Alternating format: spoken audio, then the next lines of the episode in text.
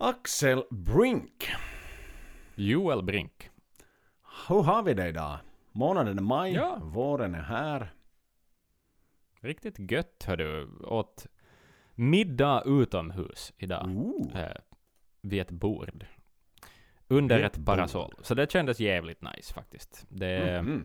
Då vet man att sommaren närmar sig. Och med sommaren så kommer också Iron Maiden till scenen Mhm. runt om. Så att det är ju nog Exakt. härligt. Och vi vet ju det, när det här avsnittet släpps, så då har Maiden också hållit sin första konsert i Zagreb. Och nu spekuleras det ju hej vilt hur de ska presentera Senjutsu på, på något litet sätt på denna ändå väldigt långa Legacy of the Beast Tour. Till och med läckt ut en icke-validerad spellista. Men som sagt, när avsnittet kommer ut så, så vet vi ju alltså, det är ju helt onödigt att vi spekulerar och gissar fel. Så är det. Jo, jo, jo. Men, men det får jag ändå säga att Mhm.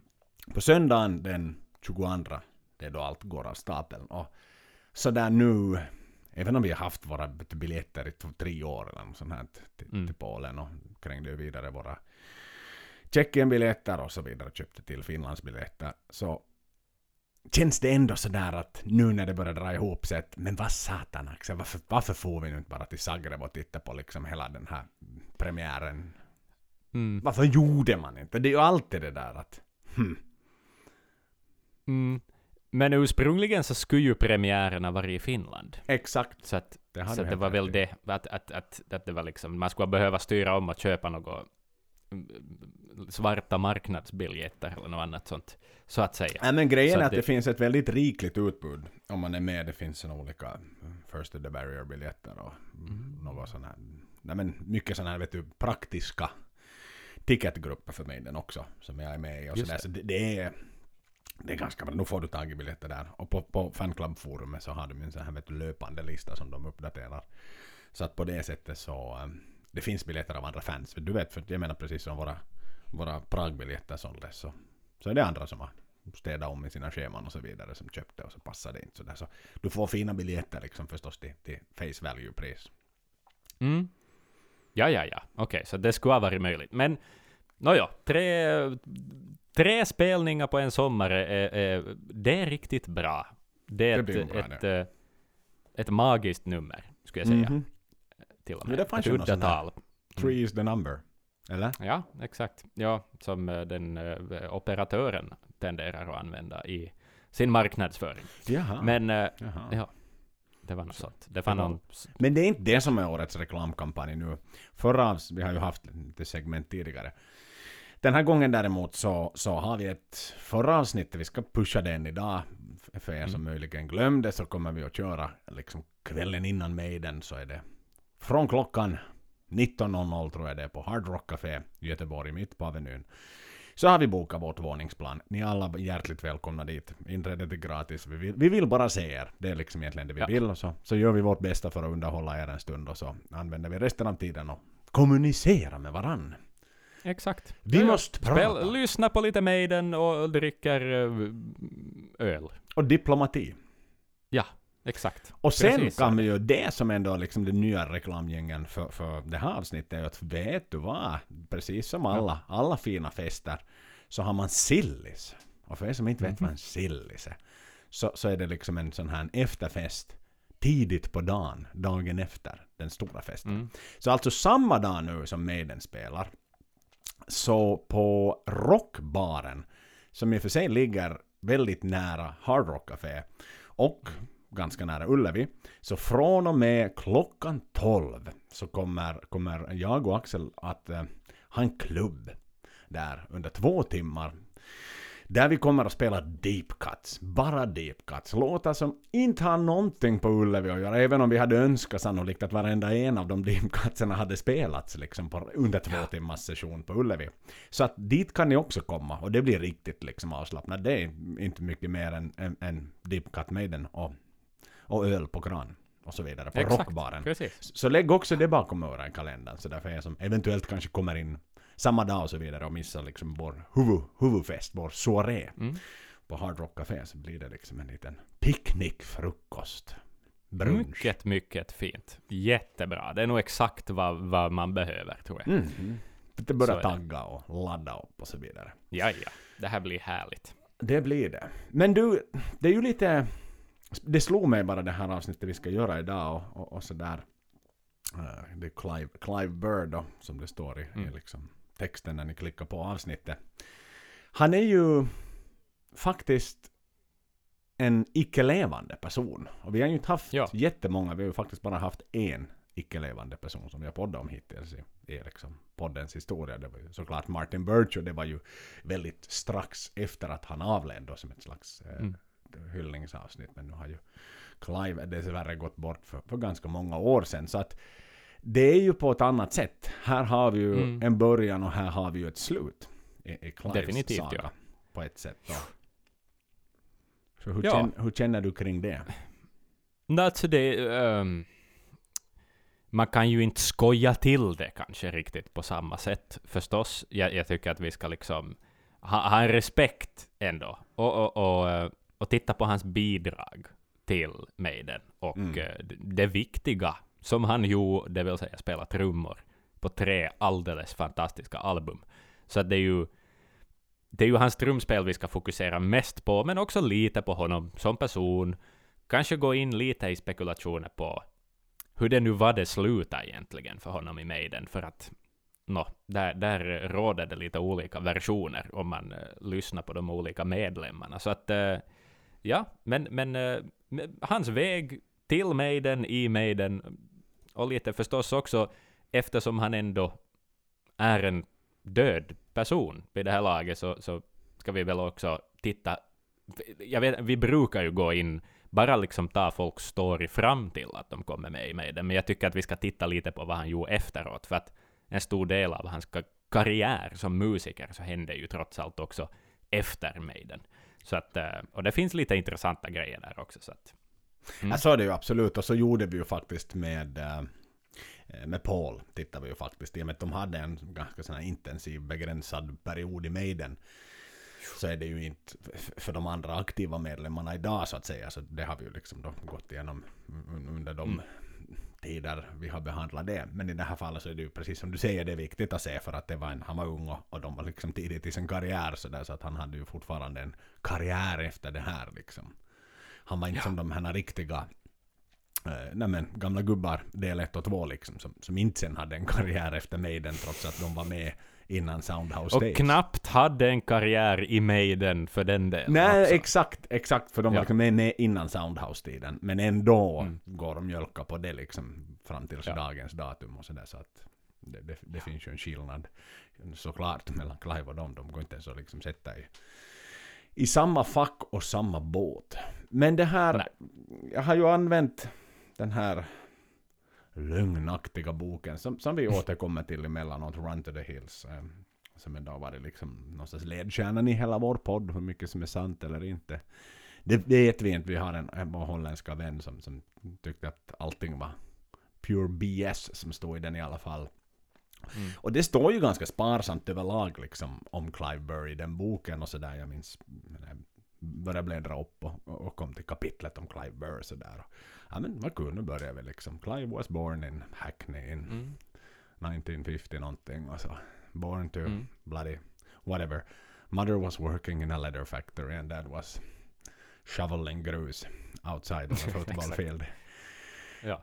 with two older sisters. Men, men det är inget sånt. Det, det är inget sånt. Han får inte någonting om sitt liv innan Maiden i den här boken. Utan Nej. det är pang på rödbetan. Och det där tänker jag lite sådär. Paul Diano hade ju fortfarande liksom en sån här Vad hände innan? När är du född? Mm. Sin lilla liksom Wikipedia, vad ska vi kalla det, infobox. Precis. Men, Ja. men det har man liksom skippat helt och hållet. Det har... Vad fan heter Det- han? Nick det Wall finns ju en anledning. om. Det finns en anledning till det, Mhm. eh, kan jag berätta. Och det var det att eh, Clive intervjuades aldrig för boken. Mhm. Ja, jag, jag vet inte om det var så att han tackade nej och inte ville vara med, eller om det var så att han inte blev kontaktad. Det här är också, det står olika i olika skumma nördintervjuer på internet, men åtminstone, så det vet jag med säkerhet att han inte intervjuades för boken. Så att det är säkert en anledning. Och jag menar, han har inte talat så mycket bi om biografiska saker heller någon annanstans. Så att det jag har är också sådär, jag vet inte helt hur trovärdigt det är. Men, eh, men jag kan dra den där storyn. Den. Was born in 1950 something, om du vill ha den. No, men, Så det här är i alla fall vad All Music hävdar att Mm. eh, är sant om Clive Burr. Han föddes den 8 mars 1957 i East Ham i London. Ehm, han ska ha fått sitt första trumset som 15-åring och eh, ska snabbt ha blivit ganska förälskad i Ian Pace eh, spelstil. mm. Och eh, sen, sen är det väl liksom, det är inte himla mycket mer. Han eh, börjar som semiprofessionell musiker då i, i tonåren och, och spelar runt i pubband och sånt. Och 1977 så gick han med i Samson. eh, som ju andra Maiden-medlemmar också har börjat sina karriärer i. Um, och eh, han blev rekommenderad att liksom ta kontakt, nej, eh, uh, Maiden, Dennis Stratton rekommenderar Steve Harris att ta kontakt med, med eh, Clyde Burr uh, som möjlig Maiden-trummis. Och, och så sågs de i någon pub någonstans där han brukar hänga och några dagar senare så fick han väl en chans att spela och så vidare. Och, och, och sen var han inne. Det, det är liksom inte... Det var en, en period då redan låtarna för första och andra albumet var ju skrivna i, i stort sett, så att han hade ingenting att bidra med riktigt. Mm. På det viset någon chanser, men, men sen... eh, Sen från och med Number of the Beast så hade han mer att säga till om, så att säga. Men det var, en- det var en ganska sådär... Det låter som en väldigt rak väg in i Maiden egentligen. Sådär, spelar i ett ganska hyggligt omtyckt, hypat band och sen får komma med med de stora pojkarna på något sätt. Att, eh, Jajamän. Och, men, det det, kan, men det är liksom sparsamt, det här vi vet. och det kan vi ju kanske lägga till, han var ju inte då första trummisen, utan han var ju liksom tredje trummisen, för det var ju, no, precis som gamla gubbarna avsnittet, så, så liksom hände det ju så förbannat mycket där innan, så att det var ju Dog Sampson som han eh, de facto ersatte. Sen var ju Mm. Thunderstick där som också blandade in allting med Sampson och så vidare. På sikt nog med också sådär, så att han kom ju liksom in då som en, som en replacement drummer egentligen. Under Mm, liksom precis. och, och det var ju det som liksom de betonade för, för prior to Clive så var det ju sådär att no, du minns ju med alla gitarrister som hoppade dit och slutade och började sluta. För att stu- när de bandade och spelade så där och övade i, i, sin lokal och repade så kunde man ju fortfarande liksom repa som en four-piece band med bara en gitarr. Men det är klart, det går Mm. ju inte utan trummor. Så är man utan trummis så då liksom stannar ju liksom allt. Så att säga. Så Ja. det var ju väldigt sådär pressing att få in en, att få in en trummis helt enkelt. Och, Jep. Och lite, lite precis som du var inne på där så, så det finns lite olika bud på hur han kom in, om det då var faktiskt Dennis Stratton, men, men, men det Mhm. finns en annan, annan liksom spekulation kring att det var Neil Kay som liksom var den som förde samman dem. Eftersom Neil Just Kay det. hade stenkoll på alla Neverbahamer. Då, Precis, band. precis. Den här DJn. Exakt, exakt just han ja. som gav ut Metal for Mödas. Och, och den delen, för han, han var ju med då i Samson precis som du var inne, inne i då. Och så Mm. vidare. Så att, men, men precis, så finns det sen andra som, som, som hävdar att han, han nog minsann gick på audition och så vidare. Det var liksom Mm. inget snack om saken. Sen var det ju så här klassiskt, liksom, de är i sin unga, unga ålder och sådär. Det måste kännas rätt. Så Mm. att sådär, två av liksom de här incitamenten som fick Steve att liksom tycka att Hördu, det här kan bli lovande. Så var att han var från samma område. Han var en East. Ender. Och det finns Mm. något sånt där viktigt med det för Steve. Och den andra stora liksom tick in the boxen för Steve var att han, han höll på West Ham. Han var supporter av West Ham. Så det var väldigt, väldigt, väldigt viktigt faktiskt. Rod å andra sidan hade en liten annan sån här checklista när han sökte efter. För att, eh, no, han såg honom och liksom var ju helt wow, he looks great. He looked like a million dollar in those days. Han hade liksom en cheery face och great clothes. Så då Just var liksom de sakerna. Sen var liksom den sista så här, well can he play? Vilket jag säger, om du lägger alla de där i, i Rods lilla bok. Så Ja. tror du att the looks and the million dollars and the play? Liksom, är det så är det att Rod också prioriterar att det är ändå 70% av liksom, insatsen i bandet Can He Play? Eller är det ändå det där?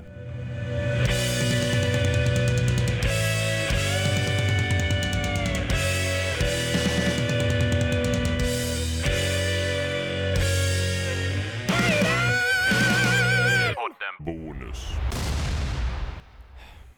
Är det det Spinal Tap?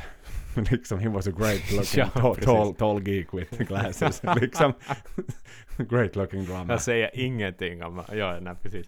Ja, det är så bra.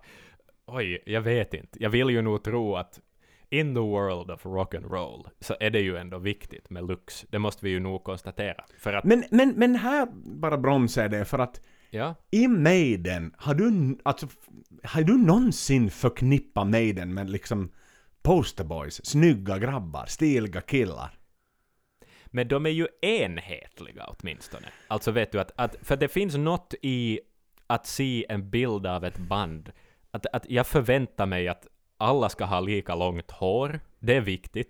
Alla ska ha lika smala byxor, det är också viktigt. Och liksom så här att de ska ju ändå se ut som ett hårdrocksband. Vet du, det, det tycker jag, för att jag, jag har liksom, jag minns nog i tonåren så har jag avfärdat band för att de har haft, nej men du vet, Robert Trujillos liksom entrance in i Metallica var jag liksom inte, jag tyckte inte om det för att han såg inte tillräckligt häftig ut.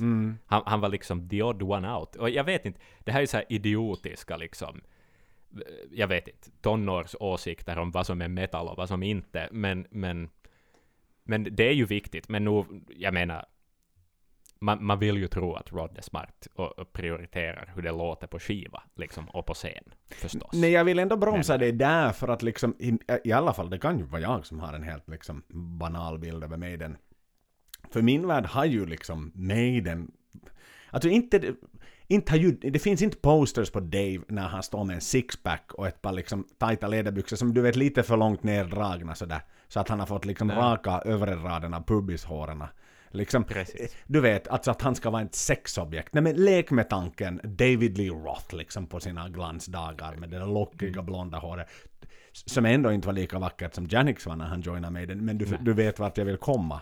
Liksom, Ja. och hela den här amerikanska rock, metal, glam, liksom. För där var ju verkligen, jag skulle säga, den individuella skönheten lyfte, glorifierades på ett helt annat sätt än Jo, jo. jag menar det är East End Boys, inte det är ju någon sån här satans liksom vet du Botox-killar i. Maiden liksom som... Nej, nej, men alla de här liksom Sunset Strip, det är ju som pojkband. Jo, jo, det är ju så- exakt ja. vad det är. Liksom satans snygga killar som är liksom, vet du, perfekt vältränade. Har säkert liksom, får en dietlista av sin tour manager liksom. No, you can't go eat a fucking hamburger. Men liksom, om Nico ville liksom lalla ner på en pint så var det ju sådär att det var inte någon som sprang efter liksom någon kaloriblock och, och, och sa att hörru, hörru, hörru, nu, nu får du liksom ta bromsa i.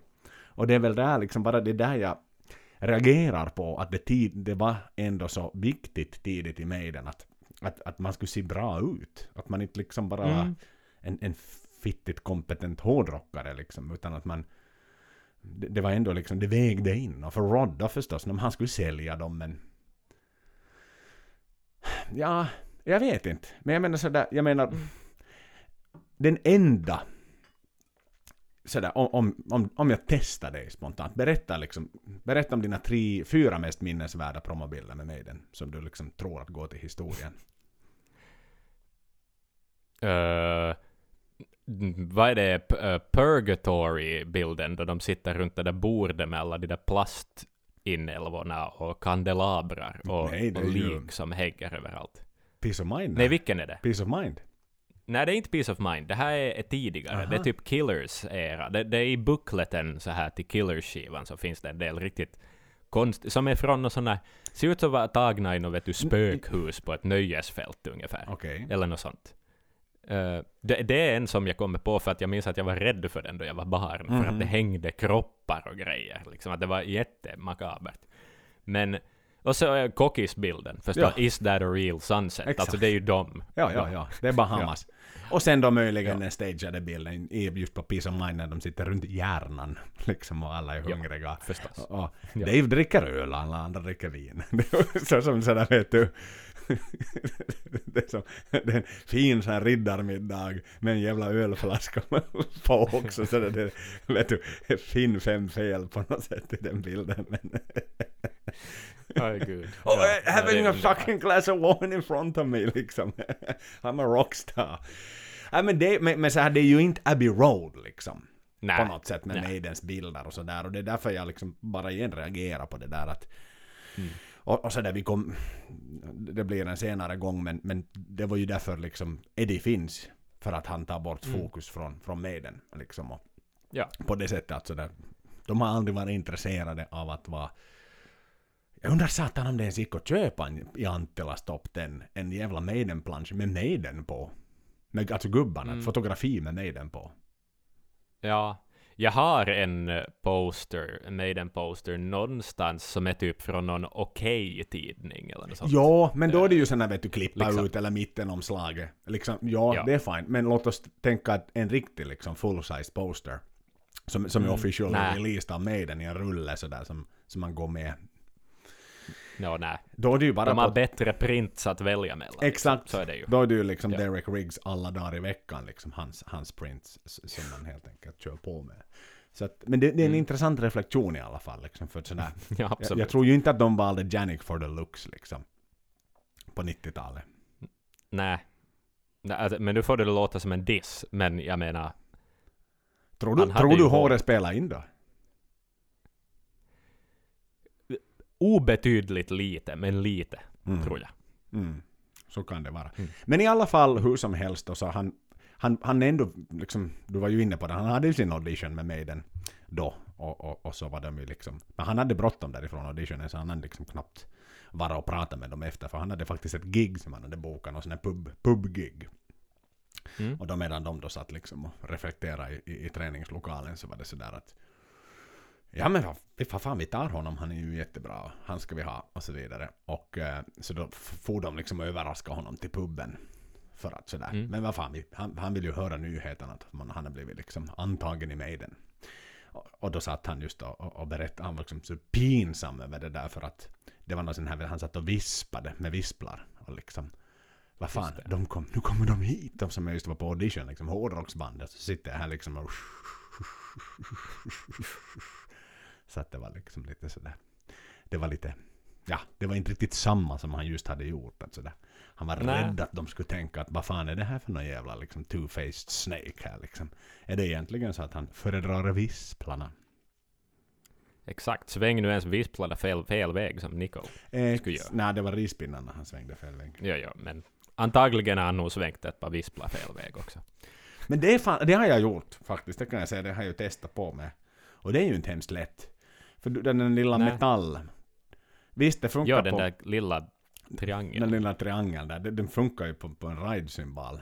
Men, men det är ju Mm. jättekonstigt. Du slår ju sönder liksom skinnena och så vidare. Ja, sant. Så sant. det, det, Ja. det, det är mycket konstigt tilltag om du skulle vända. alternativt att man har ut liksom stråna och håller i dem så att det är någon sorts piskor, vet du, Mm. som en Ja, men för det har man ju gjort. Alltså man, man, drar inte ut, man drar inte ut stråna hela vägen så att de liksom, vet du, går Mm. ut som en, som en slags blomsterkvast. Utan du håller dem sådär ganska tight tillsammans. Så att då blir det nästan liksom metalltrumpinnar sådär. Som är ganska Ja, liksom precis. hårda och lite som man skulle ha satt en tofs på dem på något sätt. Sådär. Så Jo, jo, som rispinnar av stål. liksom. Exakt ja. Ja. och då blir det plötsligt jävligt hårdrock och jävligt metall. Får man ju lov att säga. Men Mm. ja, så att det är liksom, vi var inne på det där, det är liksom lite sådär det vi vet om, om, om hans backstory och sådär. Att det, det är inte Mm. hemskt mycket mer än så. Nej, nej, nej, och han har inte varit himla pratsam i intervjuer heller och sådär liksom.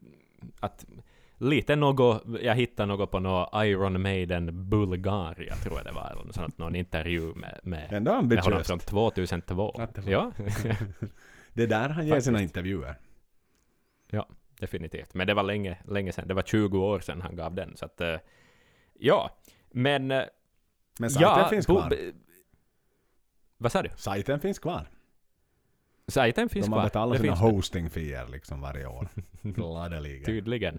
Jag tror inte att det är så jävla hård budgivning på ironmaidenbulgaria.com. Det är Nej. sådär Det är inte tesla.co eller något sånt här. Nej, exakt. Eh, som du kan liksom köpa. Nå, nästan. Buy for a million dollar. Men vad fan, sådär, han är ju med i Maiden i alla fall och, och, och förstås. Och här tänker jag väl kanske att vi passar på och för varför älskar vi egentligen Clive Burr? Alltså vad är liksom anledningen att vi faktiskt tycker så mycket om honom? För han hade en ganska Mm. short and sweet sådär, han, han, han var at the end of the day bara en trummis. Det, det, Paul Ja. var ändå liksom en tongivande sångare som vet du bäddade vidare för Bruce Dickinson och sådär. Så att, men det, och varför är han så uppskattad än idag efter sin, efter sin död? Det är väl det jag tänker. Och det är ju Mm. såklart för, för musiken och liksom för, för sättet han spelar på. Om jag ska vara helt klar och tydlig här. Definitivt. Ehm, jag ska faktiskt citera Bruce ehm, här. Jag läser upp hela jävla citatet. Mm. Uh, att uh, Clive Burr was the best drummer the band ever had. That's not taking anything away from Nico. Technically, Nico's probably a far more competent drummer than Clive. It's just that Clive had this incredible feel, and you can't learn that. And I regret that he wasn't given more time to try and sort himself out. Det har Bruce eh, sagt eh, då. Efter att eh, Clive dog. Mm. Uh, han sagt dessa ord. Och jag kan ju inte annat än att hålla med. Det är den där It's the feel. Det är hans känsla för, för groove och för sväng Mm. som gör att Clive Burr är så älskad. Alltså, jag, jag skulle vilja sammanfatta det så enkelt. Eh, Nico är... Han har inte samma timing. Nej, Det, det är bara så. han, Det är bara så. nej, jag håller 100% med. Och Nico har inte samma liksom, vad ska vi säga, dynamiska touch.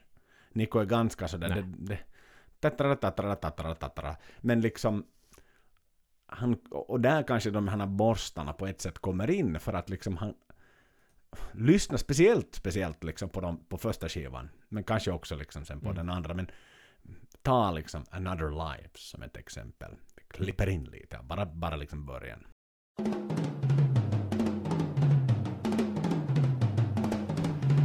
Det är som, Mm. du vet det är så mjukt på något sätt det där. Ja. Det är inte liksom Where Eagles Dare. Nej det, är inte, nej, det är inte massivt mycket kraft i slagen, men det är lite mer av det där... Nej men Iron Pace jazziga Sjukt touch mycket Iron också. Pace. Sjukt mycket Iron Pace. Så jag liksom sådär... Om jag ska liksom summera Clive i en Iron Pace-låt så är det väl nästan eh, Highway Star. För den är ju väldigt sådär... Ja, Det händer mycket i den och... Alltså, det är ju groovigt. och det finns ju... Ja, för det finns nästan alltså ta... eh, Gangland och Highway Star på något vis. De har lite likheter i hur de är trummade. På Mm. något vis. Det är det där tåget. På något vis. Eller, eller... Ja. Eller, eller något som The Prisoner. Eller, jag, jag, det är liksom... Han, han har... Nej men det är mera, det, det, det som är mer skolad, ett skolat sätt att spela på, på något vis. Och det jag gillar så jättemycket med Clive är också det att han, han spelar med resten av bandet väldigt Mm. mycket. Att, att liksom, där det ska, det kommer någon synkop i gitarrerna så är han alltid med på någon symbal, eller liksom han är, han spelar verkligen musiken. Han spelar inte bara på sitt eget sätt, utan han är, då, då han spelar så är det, det är så sammansmultet, hela det här bandet, på ett så underbart sätt på något vis. Det är ju det, det är ju det. Och liksom det är den här unga entusiasmen, den här ivern. Och liksom, om vi nu sådär, vad ska vi nu säga, börjar uppifrån och ner. Mm. Från hans första skiva, liksom. Har du något sånt här som du skulle vilja lyfta fram som ett tongivande spår kanske?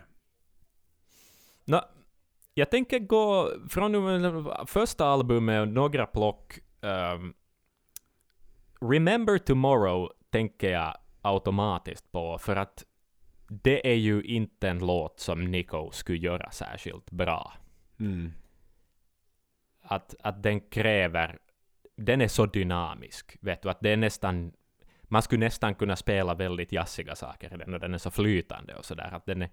Och där är det ju som trummorna som håller upp hela pulsen i låten, att det är väldigt viktigt att det är tight i den, för att det allt annat är sådär flytande och plinky-plonky, och till och med Steve spelar ganska orytmiskt på något vis på den där låten.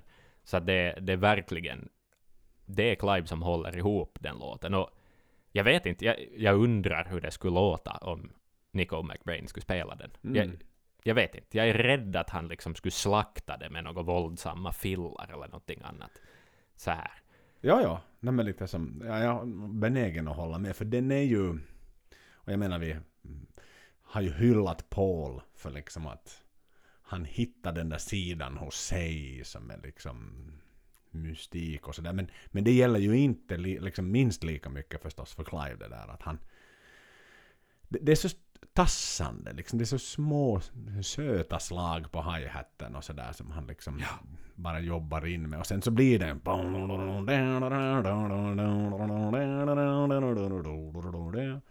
Att det, det är coolt. Och en låt så här som jag verkligen liksom också vill, vill, vill från, och Transylvanien förstås, som är så här wow, Mm. det var på den tiden när man, ja men det, det var kul för mig den att göra instrumentala låtar. Ja. Som jag liksom Ja. lyfter fram Japp. orkestern Ja, det är- istället för någon annan. Men, men en ikonisk låt. Och där liksom får man ju ge credden åt, åt Nico idag med arvet. Så är ju förstås eh, Mm. signaturlåten Iron Maiden. Mm. Och då tänker jag ju på det där Ja. Liksom de där som jäkla konstiga delarna egentligen.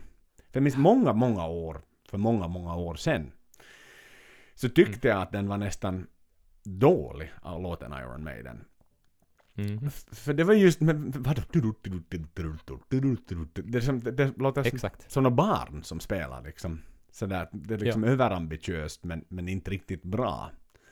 Men sådär. Nej, precis. Det är som nu ska vi spela något progressivt på något Ja, vis. och nu måste vi bara sätta något in den här pausen, den här brytningen.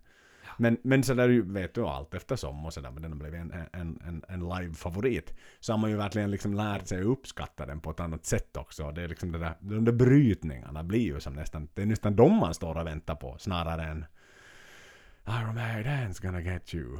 Och så vidare liksom. Och så, Exakt. Så, som den Ja. går. Japp. Så att, Ja, det är ju också en väldigt liksom rolig låt att trumma.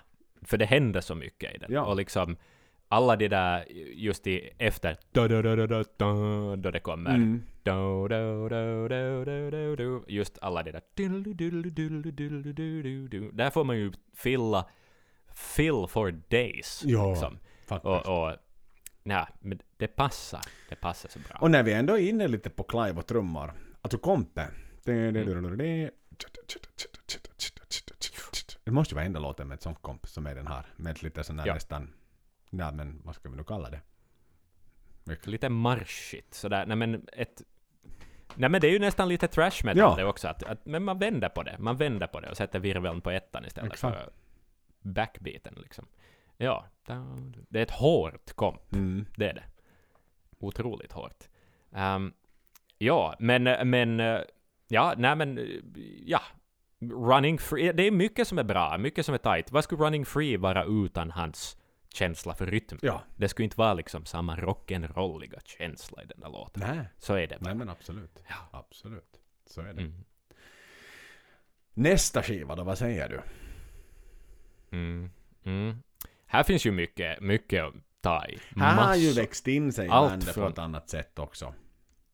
Men man, det har ju alla gjort. Japp. Jag menar här är ju också plötsligt eh, Adrian Smith välkommen med och sådär. Så nog, här har ju Maiden blivit mycket bättre på Killers. Mm. Definitivt. De, de är tajtare. Produktionen gör det rättvisa Ja. också, tajtheten av bandet. Liksom hur allting är, är sammanlimmat i en så snygg produktion. Eh, och ett, ett otroligt varmt och härligt trumsound. Men bara lek med tanken också. här en sekund liksom. Jag tror, Mm. tror inte att vi har varit inne jättemycket och diskuterat det här steget mellan Iron Maiden och Killers. Men om vi bara tar en sekund och reflekterar kring det, liksom parametrarna. De hade Martin kom in, soundet är bättre, de fick in en stjärnproducent. Adrian kom in, liksom. Det var inte som att han var en stjärngitarrist på den tiden, men han kom i alla fall in och jag menar, bara han egentligen började leverera direkt från dag ett med sitt, så, så som han Mm. spelar idag Och det var liksom gängets andra skiva. Paul också då hade ju liksom fått säkert självförtroende. Att liksom, fan men det här kommer nog gå bra det här. Och liksom då med, med Martins vet du, varma hand på Paul sådär. Att coachande säkert ganska mycket. Så att de, det är ganska nog helt andra förutsättningar för Killers-skivan också. Än, än vad det var Mm. för den första skivan med, med Will Malone. Som, som ju var totalt ointresserad av att banda dem. Och det, och det hör man ju nog verkligen sådär när man går in och tittar på liksom hela produkten låt för låt. Inte kanske liksom om låten är bra eller om låten är dålig. Men, men mera det där i hur, hur låten är, är, är, hur hantverket är gjort. Mm. Ja. ja, det är en annan eh, entusiasm eller liksom noggrannhet över det. För inte hade, alltså det, som är en det- sån sak. Jag menar, Running Free hade inte låtit hade inte låtit så på, på Killers. Den hade varit mera mäktig, för den är ju nog lite... Alltså produktionen av original Running Free är ju lite sådär Mm. Axel och Joel med My First Sony och en, och en liten liksom mikrofon på något sätt sådär. Ja. Med, med två upp och nervända hinkar och ett grytlock lock, liksom. Medan. Ja.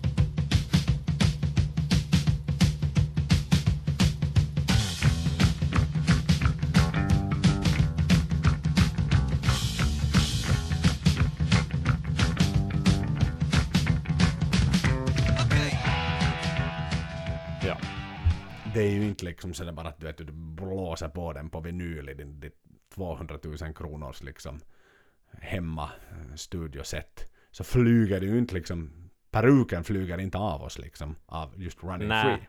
Men, men sådär, The Ides of March som ju också öppnas delvis med trummor men förstås andra instrument också. Mm. Så då är det ju nog liksom bara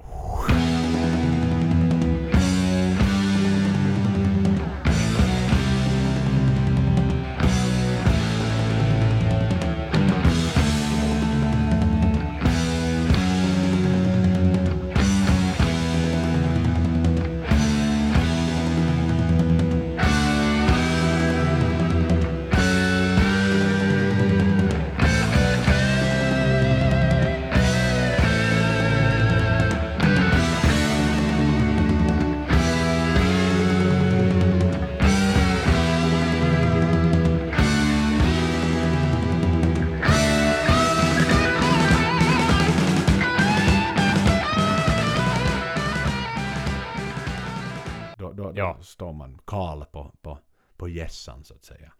Ja, verkligen. Verkligen. Eh, det är ju ett underbart trumspel i Ides of March också. Det, Ja. en kiva liksom intågsmarsch. Eh, och det, det, ja, En intågskoral. ja, verkligen, verkligen. Ja. Men vad annat? Alltså det finns så mycket plock, alla, alla åttondels fill i Murders in the Room Org och, och liksom eh, förstås tekniska, det tekniska spel, sammansvetsade spelet i Djingis Khan är ju otroligt.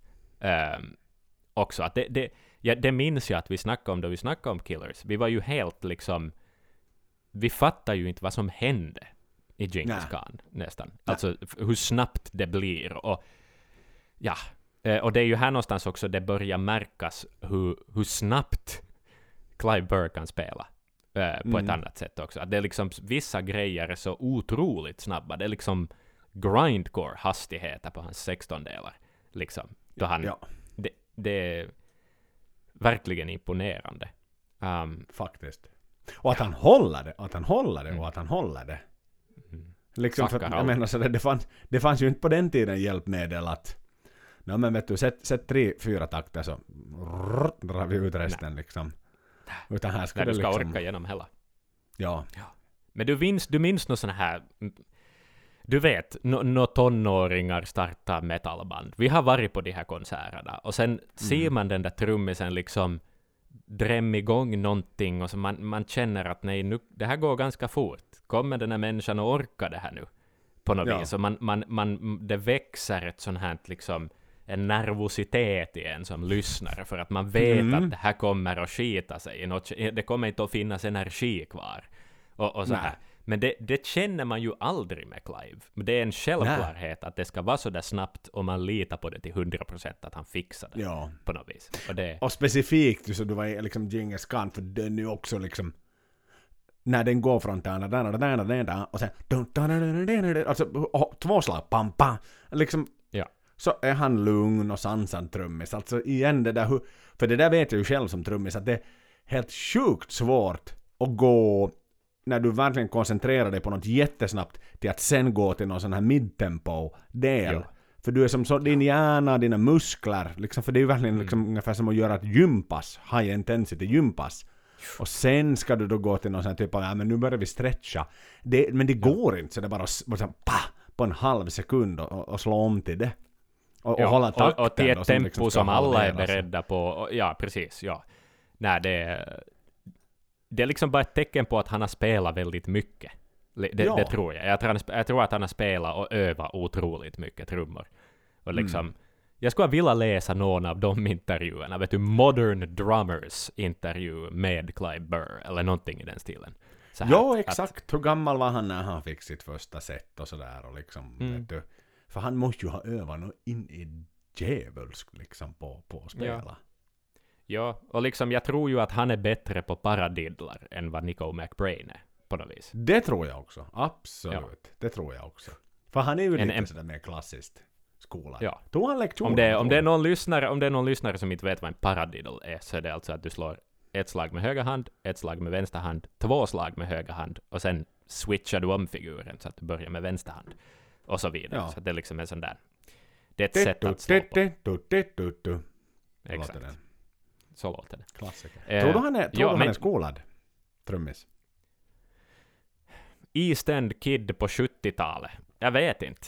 Jag, jag tror Men nog han har lyssnat för mycket på Deep Purple bara. Jag, jag tror nog att det är det. Det fanns inte liksom Iron Pace Drumming Academy in East End. kanske någon sån här marching band i skolan grej. Alltså där, där lär ju trummisar sig paradidlar. Alltså sådär. Mm. Det där, det- Syncopation-boken, den måste ju vara skriven för marschtrummisar också.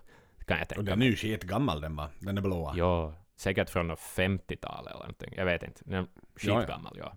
Ja. Eh, också där nördig trumkommentar. Men, men, eh, men ja. Så är det, så är det. Och sen vill jag ändå lyfta fram, nu har det varit mycket fart och det har varit mycket fläkt och det har varit mycket dynamik, men, men också då Maidens, vad ska vi nu säga, andra halvakustiska låt i världen eh, jämte Mm. Journeyman, Prodigal Son. Jepp. Den är så jammig. Mm. Ja. Nej men där, där är alla, det är som att han har Ghost Notes med på virveln där också. Vet du, riktigt liksom håller igång den här kugg, alla kugghjul är igång hela tiden då han spelar den. Man, man, man vet som att det finns mer än vad man hör i hans rörelser på något vis. Att Och med du den här- vet.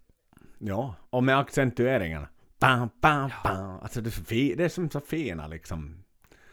Jag fattar ju vad Bruce föll för när han satt och lyssnade på, på Killers liksom touren och han tourade med Samson. Och han fick lyssna på det här. Mm. Alltså det är ett hög, ytterst jävla kompetent band. Och det är klart att Bruce där sa att ja, alla är bra förutom Paul. Hade jag fått Mm. komma dit. Alltså det är ju... Vi vi har varit inne på det så många gånger med liksom det här... Hur de faktiskt var ganska... Då här, vid det här läget var de inte semi-professional mera utan... Jag skulle nog nästan säga att de är professional. Ja. Skulle du få ett Ja, ja, band ja. att låta som Killers-skivan Axel om du skulle starta det nu? Med rätt människor? Nej. Alltså Ja, det, det skulle kvalitetsmässigt. kräva... Jag tror jag är för gammal för att hitta tiden till att öva så mycket så att det blir så här. Vet du, det, det krävs 20 år ingar på något vis med för mycket fritid för att man på riktigt ska orka nöta på det här sättet, tror jag. Mm. Att det... det mm. Nå kanske om jag hyr in och betalar en massa yrkesmusiker jättemycket pengar. Men, men, men, får, det, får du det är inte samma sak. då? Eller Nej, blir det bara det- session musicians liksom? Nej men då är har vi just det där brokiga gänget som jag skulle ha avfärdat som 15-åring för att ingen av dem har tillräckligt långt hår. Vet du, att, att det är det där äkta, det är det där äkta som saknas. Så enkelt är Ja. det. Mm. Truehet. Så att det där, ja. Så är det ju. Mm. Och sen har vi ju, nåja, hans sådär Killers och Iron Maiden i all sin ära, men det som världen känner honom för naturligtvis. The Number of the Beast. Såklart. Mm. Den, den, den, den lilla pjäsen ju som är... Ja. Alltså hade han inte, hade Clive fått foten tillsammans med Paul Diano, Mm. för det är klart att han, han, eh, han tyckte ju om kalas. Det gjorde han. Och hade det... Han fick en skiva längre än Paul, om vi säger Mm. så. Men låt oss säga att han inte fick den här skivan. Hade han då varit lika stor? Hade han då varit liksom... Hade, hade vi minns honom med den värmen och den kompetensen? Tror du? Mm. Trots att vi, alltså trots att han har gjort fantastiska låtar, det som vi alldeles just pratade om för någon minut sedan. Men är det lite så att tack vare Number of the Beast så har vi också upptäckt hans talang på Killers Iron Maiden? Eller? Mm. Nu är det väl till stor del tack vare det, för att jag skulle också, jag menar i samband med Number of the Beast så var de ju på turné och det finns ju den här fantastiska Beast over Hammersmith inspelningen också, som för mig åtminstone var liksom en första riktig inblick i att få också spe, se Clive spela trummor på något Mhm. vis. Att, att, att, så här, att, att verkligen se honom och hans entusiasm och hans säkra slag och så vidare. Att, att Mm. Ehm, och här är det ju också, det är ju skivan som han verkligen har fått vara med och färga med sitt trumspel. Att, att, att med de två tidigare skivorna så existerar låtarna till, till liksom 90% redan, medan han skulle fylla i det som behövdes på trummor. Men här är det ju, här är det ju en annan sak. Han, här har han ju varit med och skapat exakt hur de här låtarna låter. Jag menar, Ja, det är Run hans to the hills. patterns. Ja, exakt. Run to the Hills skulle inte vara Run to the Hills, utan Burr. Jag tror inte att, att Nico McBrain skulle ha hittat på ett så ikoniskt... Han, han hittade på Where Eagles Dare, men jag tror inte att han hittade på den här typens grejer, vet du. Att, att det är liksom det är som ju, riff, Where det, är Dare i sig är ju ett, Mm. det är ju ett intro, alltså det är ju... Ja. Nå, om vi nu leker med liksom vår gamla Ian Pace här, så det är ju som Fireball till exempel. Ja. Ja. Så Ja, ja, det är exakt. jäkligt coolt och liksom sådär kaxigt. Jag är en ganska bra trummis, intro. Mm. Och sen Mm. så sådär börjar man spela på. Men, men, Men nu, nu, nu är ju Run to the Hills är ju också ett trumintro. Det, det finns ju mycket trumintro. Jo, jo, Det men det är ju The inte en fill. Det är ju inte en sån Nej, show-off-fill. Det är ju inte en... Nej, det är mera som ett riff. Alltså, Clive Burr spelar riff medan Nico McBraid showar off på något vis. Ja, Väldigt. exakt. Så att, eh, exakt. ja. Och, eh, ja, men vad fan, vad börjar man med det? Det är, det är ju briljant trumspel från första, första slaget till sista slaget. Det, ehm, jag vet inte, jag skulle vilja tala om alla låtar. Men börja någonstans. Jag börjar någonstans, och jag börjar vid Children of the Damned, tror jag. Och jag tänker speciellt på andra hälften av låten, då den... Okej, den här låten skulle inte ha sin tyngd utan Clive Burrs känsla för rytm, tror jag inte heller, i...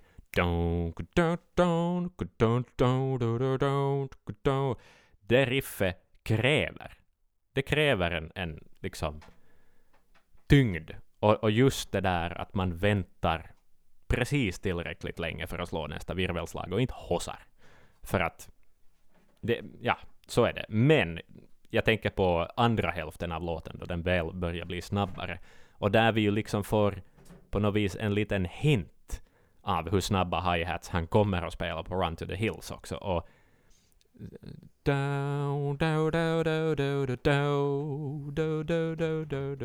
det är snabbt mm. också. Det är väldigt, väldigt snabbt. Snabba sextondelar där. Ja, mycket, mycket fint eh, trumspel. Och vi har ju varit inne, Joel, på det här. Vi har ju diskuterat Uh, vi diskuterade ju för inte allt för länge sedan Nico McBrains konstiga symbolspel och så här. Ja, Men Clive Tan, Burr, tan, tan, han slår på en China ibland. mm. Det gör han. Han gillar en Mhm. China ibland. Jag, har, nu, jag vet, jag har faktiskt inte, det, för det här slog mig precis just nu då jag talar om det, så jag har inget exempel straight sådär rakt ur huvudet. Men jag vet att han slår på Chinan på Number of the Beast. Slog det mig nu. Um, hmm. Men du vet inte var. Men- men, så här. Nej, vänta, vad fan är det? Ja, Children of the om Damned. du hittar Chinan. Det är Children of the Damned. Mhm. Det är det han. Det är ju om det är to... Jag tror att det är på de där virvelslagen. Don't go pa, pa, så sätter han en China också. Där skulle Mm. jag vilja sätta en China. Ja. Okej. ja. ja. Och det får du sätta om du så vill. Det får du Ja. sätta om du så vill. Har du mer? Jag har mer. The Prisoner. Vad skulle den vara utan Clive Burrs trumspel? Det här tågkompet. Det här en, häftiga tågkompet. Tstaka, tstaka, tstaka, tstaka. Vet du? Vad är det? För det Va- tror jag inte att Bruce kom med. eh, vi vet ju alla att det var Bruce som hade intro. Exakt. Men, men, Ja. men jag tror inte att Bruce bidrog sen med resten av kompet. Nej, nej, nej, nej. Men det här är ju också, liksom, det är ju ett skitbra... Toko, toko. Det, det är ju också liksom... Intro, hela introt till Prisoner är ju också ett riff. Det, det är så viktigt det, hur han spelar trummorna. Och just de där fyra bastrumslagen som kommer i den där ena breaken och, och liksom allt det här. Det, ja. Men, men det är ett intressant och väldigt liksom icke Nico McBrainskt sätt att spela trummor och hur han kompar i verserna. Mm. Ja, det, det är liksom... Det är ett annat sätt att spela trumma på. Och det, det, det ger den... Nej men återigen, den här framåt-känslan. På något vis. Ja, jag håller Ehm, med dig. Mera, mera. vad fan? Mera, mera. mera, mera. Okej, no, men Run to the Hills, vi vet att den är tung att spela hi-hat i. Förstås. Eh, Ja, och det är ju en sån här liksom... När jag var ung, när jag var litet Mm. barn, så fanns det var liksom två sådana här, vet du. Ska du testa en trummis i Vasa på 90, sent 90-tal? Så då var det två test du gjorde. Run to the Mm. Hills var ju ett. Mm. Och det är ju... Det är ju snabba delen förstås. Ja. Det är ju inte... Taka, taka, taka, taka, taka, taka, pam, pam, utan det är... Nej. Och hur håller du det? Och vet du vilken den andra var? No. Helt liksom så långt ifrån vår podd man kan komma. jaha. Limp Bizkit. Och vilken låt Ja. kan det vara? D- ehm, den där, inte vet jag, Break Stuff. Jag vet inte vad det finns för Limp Bizkit-låtar riktigt. Axel, Ehm, var inte sådär nu. nu det är den där, mille, den där Mission, i- Mission Impossible-låten. Nej, nej, nej, nej, nej. Inte Nej. den. Nej, Rolling. det är ju den här... ehm, John Notto, take us to the Mountains Bridge. Ja. Är det Jiggy Generation? Ja, just det. My, Generation. Något sånt. My Generation Ja. kanske, eller vad det nu heter. det fanns en sån låt som hette det, ja. Ja, Ja, det men jag. det är just det där, för det är det där, det, det, är det där att om du hänger med med bastrumsfoten i liksom som var liksom sådär, det var också ett test sådär, då, då har du en Mm. Potentiell chans att bli en kompetent trummis som stor pojke en vacker dag. Men fixar Ja, ja, ja. inte, kan du bara spela liksom Cocaine av Eric Clapton, så då får du nog Mm. hålla dig liksom till, till, till eh, vad ska vi säga, off, off Broadway istället. Precis. Betydligt fler splashar på trumsetet i uh, Limp Bizkit än, än eh, vad Clive Burr har. Så här. Med Ja, det är Väldigt olika stilar. där inte. Jo, jo, Nej, jo. inga- jo. Japp. Nej, så. Så Splasharna det. kom Men- senare. Jag undrar när splasharna kom. Liksom vem... Jag vet inte, men de dök upp i något skede, så ska alla ha splashar. Konstigt. Mm. Och sån en mikro De är helt roliga, men... Ja, såna ja. Såna Som konstiga ligger- alltså- stacks och sånt. Alltså, ja. Ja, när du har liksom två chinan som är nästan en china hi-hat. ja, det är weird. Det blev liksom Ja. sånt också. Sådär. Och de där borrade symbolerna. När kom de Axel? Ja, jag vet inte. Borrade cymbalerna var också konstigt. Det där med hål i. Ja, Ja, exakt. det där. Som har liksom Ja. så stora borrade hål i sig. Ja, nu, nu ska vi inte liksom nörda ner oss. Men i och för sig, det är Clive Burr så, där, så, så ni får ju liksom... Vi kommer inte att prata så mycket om, om the G-string liksom här i... Nej. I just det här avsnittet. Ja. Jag, Nej, jag vet inte nej. hur bra han var på att spela gitarr faktiskt. Satt han med en Stratocaster där kanske, vet du, under Number, Number of the Beast-inspelningen. Så där, lite... Mm. Lånade han Daves gitarr satt liksom lite och lekte. Och Mm, gjorde som jag som kunde spela Smoke on the Water på en sträng. exakt. Precis. Uh, nå, tillräckligt någonting ska han ju ha gjort, för att han är ju ändå krediterad på Number of the Beast. Det skivan. är han faktiskt. Det är han faktiskt. Till min överraskning måste jag säga. Ja, ja. Nej men uh, gang, Gangland, Gangland är han krediterad till. Det är Smith och Clive Burr på den. Och Ja. eh, det är ju... Jag undrar varför just den och vad det är han hittar på, eller om det är så att hans trumspel, att han tyckte att hans trumspel är så pass viktigt så att det förtjänar en... Jag vet eller han varit med och arrat den på något vis, kommit med förslag. För Gangland är en eh, Adrian Smith-låt det där. Japp, det stämmer. Det är det. Det stämmer. En dålig, jävligt dålig Adrian Smith-låt. Hur fan skrev Adrian Smith Gangland? Va? Om du så Mm. tänker till paletten av låtar han har bidragit med till mig den. Så är ju nog den jävligt odd one out. Ja, det- alltså det är ju ingen Prisoner. Tänk hittigheten i Prisoner. Och Children of the Damned är väl också och- en, en, om jag så här gissar mig fram. Så har jag, nu, det låter så. Det Som låter lite, men det är nog gitarren- ba, jag, Eller är det jag bara är Steve? osäker. Jag tror att det bara är Steve faktiskt, Children of the Mm. Damned. Ja, men Gangland, ja den är, den är nog udda jävel. På något vis. Men det är väl kanske, är det, är det Clive Burr som gör den sämre? Ja, Jag vet inte. ja för det, det är ju någonstans den... Nej men såklart, den, alltså Gangland och Invaders är ju liksom de svarta fårarna på, på, på Number of the Ja. Beast om man får säga så.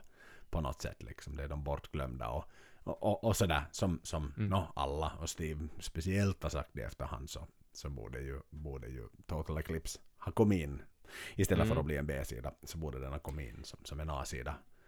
Och Så det- Total Eclipse fan för den delen har han också writing credits på. Eh, Ja, nu då vi talar om exakt. det. Så att, eh, ja. Så bara lek med Mm. tanken att, att Clive faktiskt har fler writing credits än vad Nico har. Mm. Trots en så mycket kortare karriär. Ja. Exakt! Nicos enda låt är ju New Frontier. ja. Som, Ja, som också Men är, jag tycker att han också skulle är kunna liksom få... 2000-talets Gangland och Invaders. Kan man väl Ja, men säga. borde han, borde då Nico McBrain ha fått writing credits lite för uh, Where Eagles Dare? Vad tycker du? Hmm. Nå det tror jag nog faktiskt att han borde ha fått. Mm. För den är ju Att nog... va- Ja. I och med att det var presentationen av Nico. Mm. Och det är ju därför den Och inte är det ju hamnar som att först. någon annan har hittat på det där jävla introt honom. Det där har han ju skrivit helt själv. Ja, ja, nej, men det där har inte liksom Steve i sin lilla Walkman. Så så har han inte gjort. Och sen Nico, can you do this? Ja men det var det är som sådär, men det var ju det sämsta, fy fan vad jag hatade i tiden där också. Då, uh, jag spelade i ett, ett ganska ambitiöst metalband då jag var tonåring. Så det var drivet av två gitarrister och de, envis, de skrev alltid alla låtar i någon sån här midi-program, jag minns inte vad det hette. Någon sån här Guitar Pro eller någonting hette det tror jag. Mhm. Guitar Pro hette det. Pro Och de skrev alltid så jävla omöjliga trumgrejer, för att de hade ingen förståelse för hur man spelar trummor. Och sen Mm. blev de besvikna då man inte kunde Ja. liksom förverkliga deras jävla åttaarmade krav. Liksom, det är som så... Och on that note ska jag erkänna, jag har faktiskt liksom fått för mig att nu ska jag börja spela i band igen. Så jag är lite sån smyg Ja. auditioner för, för, för en snubbe här som, som gör riktigt jävla bra, liksom intressant. Ganska såhär lite Mm. doom, doom metal. Death, Okej. death doom it. Men också där är det ju liksom så jävla långsamma, liksom långa liksom gitarr... Tunga, långa. Men de där satans bastrummarna liksom såhär...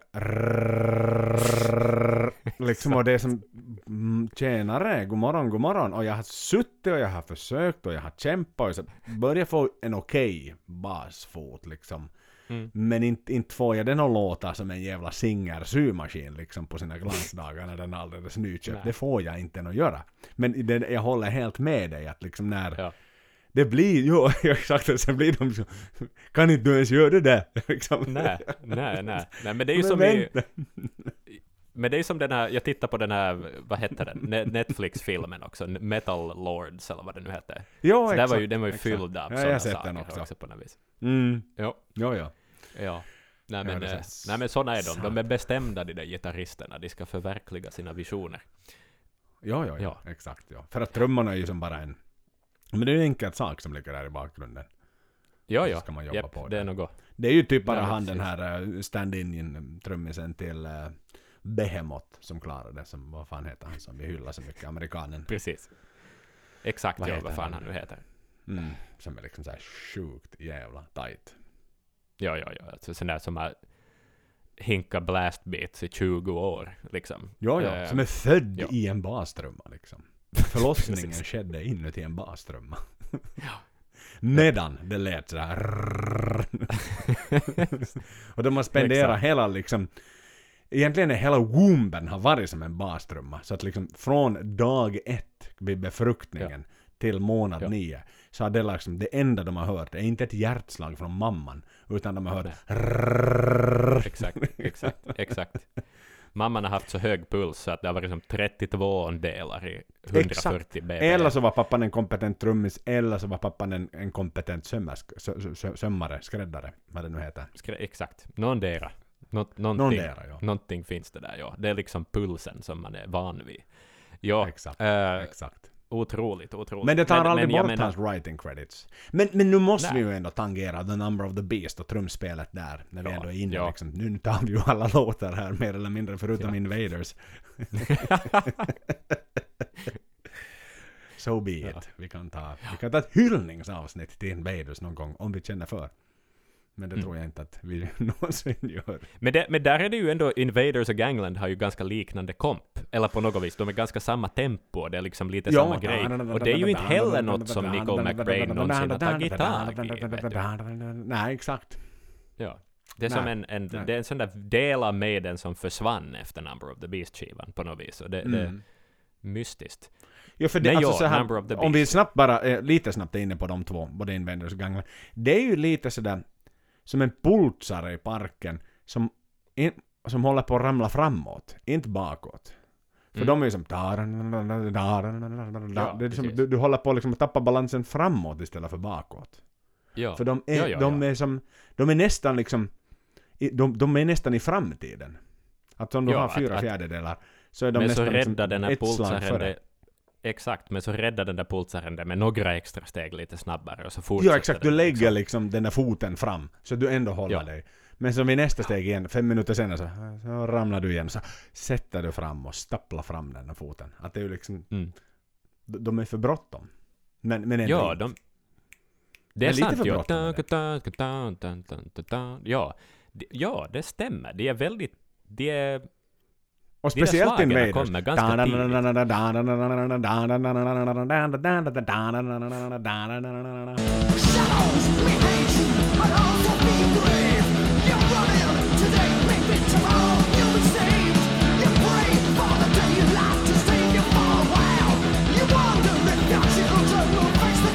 Ja, det stämmer. Det ger något eh, speciellt till den där grooven faktiskt. Mm. Eh, det gör det. Mm. Du måste liksom i ditt huvud, i ditt mindset, måste du vara alltid före nästa sak. Ja. Ja, För exakt. Du ska att- inte slå det då du tror att du ska slå det, utan lite före. Ja, exakt. Ja. exakt. Japp. Så nu hann vi använda med Invaders här så. Nu blev det, nu blev det liksom Number of the Beast revisited här. Skitsamma, Ja, Number of the exakt. Beast. The title track. Mm. Mm. Alltså det är ju... Det är bara en sån låt som jag förknippar så otroligt mycket med vad gitarrerna gör. Jag tänker sällan på... Jag tänker faktiskt ganska sällan på trummorna i Number of the Beast-låten. Jag vet inte varför. Men nu ska du Mm. göra det en sekund. Ja, ja, nu ska vi göra det. Jag ska faktiskt lyssna på den lite här. Ja, Låt den s- snurra i bakgrunden. För eh, alltså, de är ju inte fullt så dominanta kanske i Number of the Beast. Här är han ju mera som en extremt slipad session drummer, skulle jag nästan Mm. lite kaxigt påstå. Ja. Eller Ja, ja, ja, ja. Exakt, de här hi-hattarna också i början är liksom sjukt tajta. Mhm. Och med de där flämmarna, små flämmar, lägger Ja. han. Trättete, trättete, trättete, trättete. Så säger man på trumspråk. Exakt. Och sen då? Ja. Nej men han, alltså för, Och det är ju... sådär, Ja, ja förlåt. prata. Säg det bara. Prata bara. Prata Jag bara. pratar och jag säger att det är ju som, han är ju aldrig en, han har ju aldrig slagit ett extra slag i, i överflöd. Nej. Alltså du har ju, Nej. och det är ju det som någonstans sådär summerar och kokar ihop Clives bidrag i Maiden, att det är inte där liksom det finns gitarronani som det kallas, du vet, inom riktigt Mm. sån här kickelig metall liksom. Mm, ja, ja. Men, men han har Michael som alltid varit Angelo så Batio. smakfull. Han har Mm. som aldrig... Ja, han har som aldrig tagit över. Han har aldrig utmanat Steve. Liksom Nej. i formen av att sådär... ja, Du är snabb och... Liksom, vi vet att du är duktig basist. Men det är inte sådär att vet du, nu jävlar ska jag visa Steve att liksom, nu ska jag sätta honom på plats. Utan det är som, han är sparsam. Och använder liksom allt på det. Och det är ju det som gör honom till en så ofantligt kompetent trummis. Ja, ja, ja. ja. Det, han glömmer bort att han är trummis och han är bara en del av bandet. He serves the songs så otroligt bra. Och, och, och det är ju också i, Number of the Beast, den skulle inte heller ha den här drivkraften, återigen, det är den här tågförmågan han besitter, som är liksom så Mm. fantastisk. Den är... Och allt, allt i den där låten, alla de här oregelbundna liksom synkopgrejerna och, och som... Den, den är ju spännande rytmiskt, Number of the Beast, för att den är liksom... Den går inte jämnt ut riktigt, men ändå känns det som att den gör det. Och det, Mm. det, det är så naturligt, för att det är där igen, det är det där självförtroende han besitter, i att han, han spelar det han ska göra, och, och roddar inte bort sig i någonting, utan det är liksom, jag vet inte, det, det är fint trumspel i den här låten faktiskt. Nej, det är spännande och liksom en timme in i det här så på något sätt så så, så har jag ju som sådär nu när man börjar tänka efter att vem är den andra Clive Burr? Och, och jag kommer mm. tillbaks till, till The Obvious som jag redan har pratat om, Ian Pace, liksom att Ja. Inte kommer jag... Och det, det är ju en kompetens i sig, alltså det... Mm. Och det, egentligen, när man kokar ner allt i beståndsdelen så vet du, i vilken ringhörna står du? Med vilken trummis står du? Står du med Clive Burr trummisen eller står du med Spex trummisen som, som, som är så satans tight? Trummisen. Vem, vem vill du egentligen lyssna på resten av ditt liv om du måste välja en av de två trummisarna? Man tröttnar ju snabbare på killen. Så att uh, Ja. Clive Burr, Clive Burr. Jag tror att, jag tror han, Ja. han, han, han, med Clive Burr så har man chansen att göra bättre musik.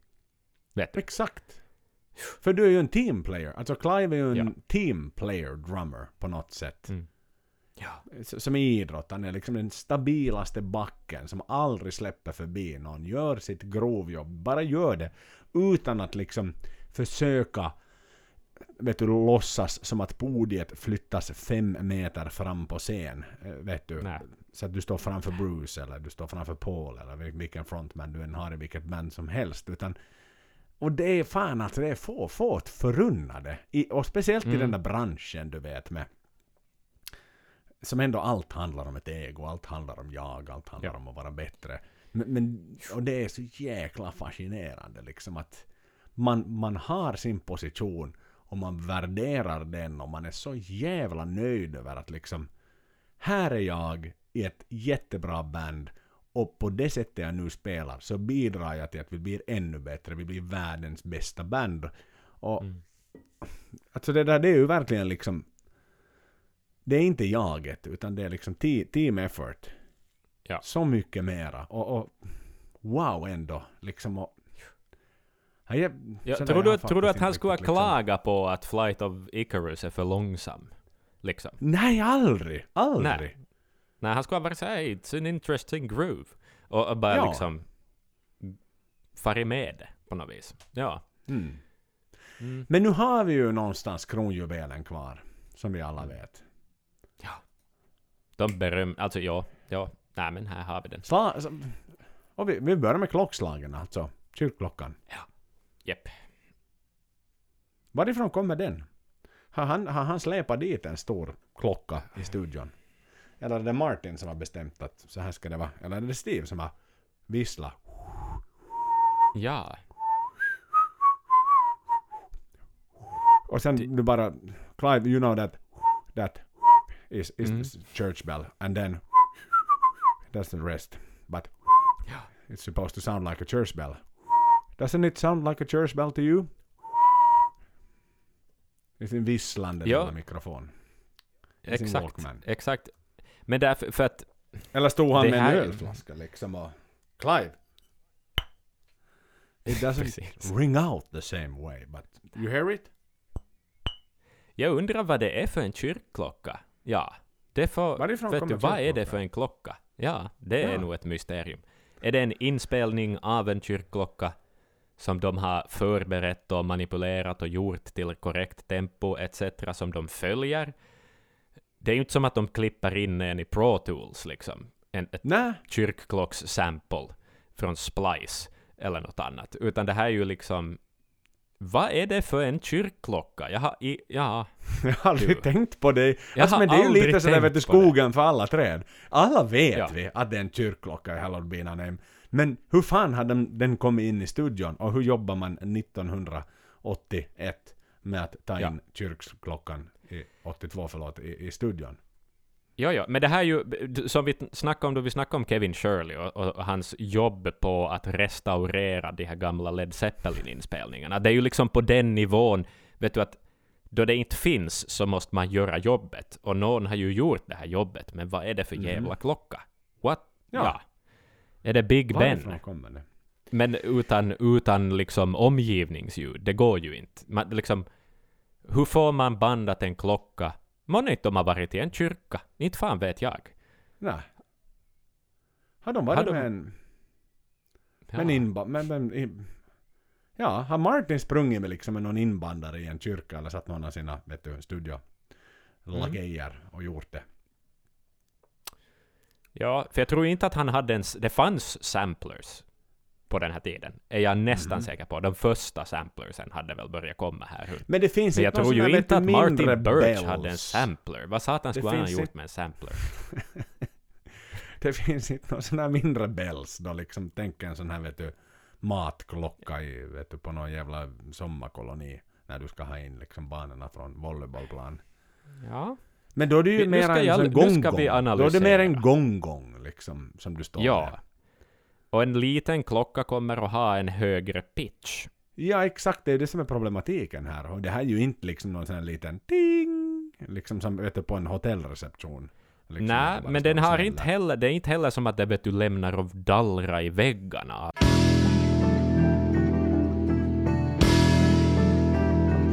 Hur, hur mycket, det vet du, det är ju inte, det är inte Big Ben storlek på det här. Jag vet inte Nej. hur stor klockan är. Nej men Lek Åbo domkyrka som vi ändå har hört Ja.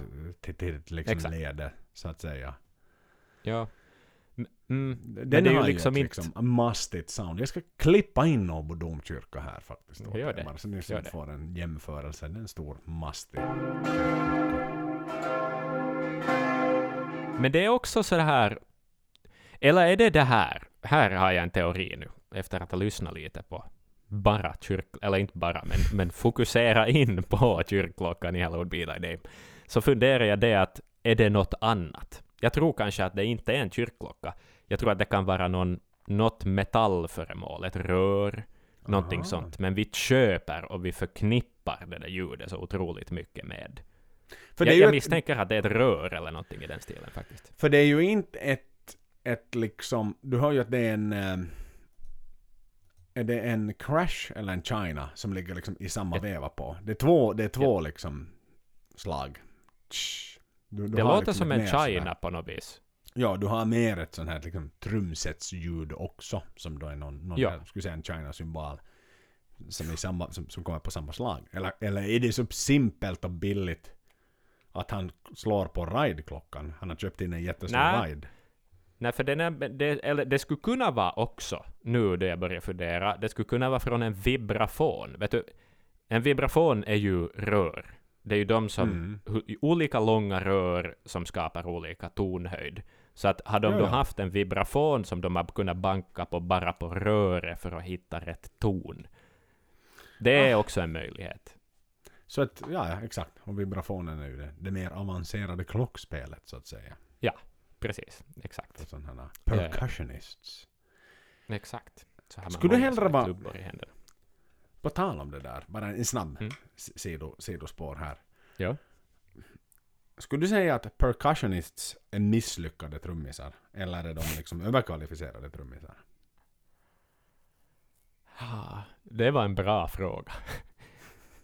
Jag vet inte varför man blir... Alltså, man hittar ju nog jobb som percussionists på något vis, för att det finns inte för många, känns det som, som bara så här... Nej, det är ju som, det är som att spela liksom, kant, det är som kantor. Liksom i Ja. kyrkan.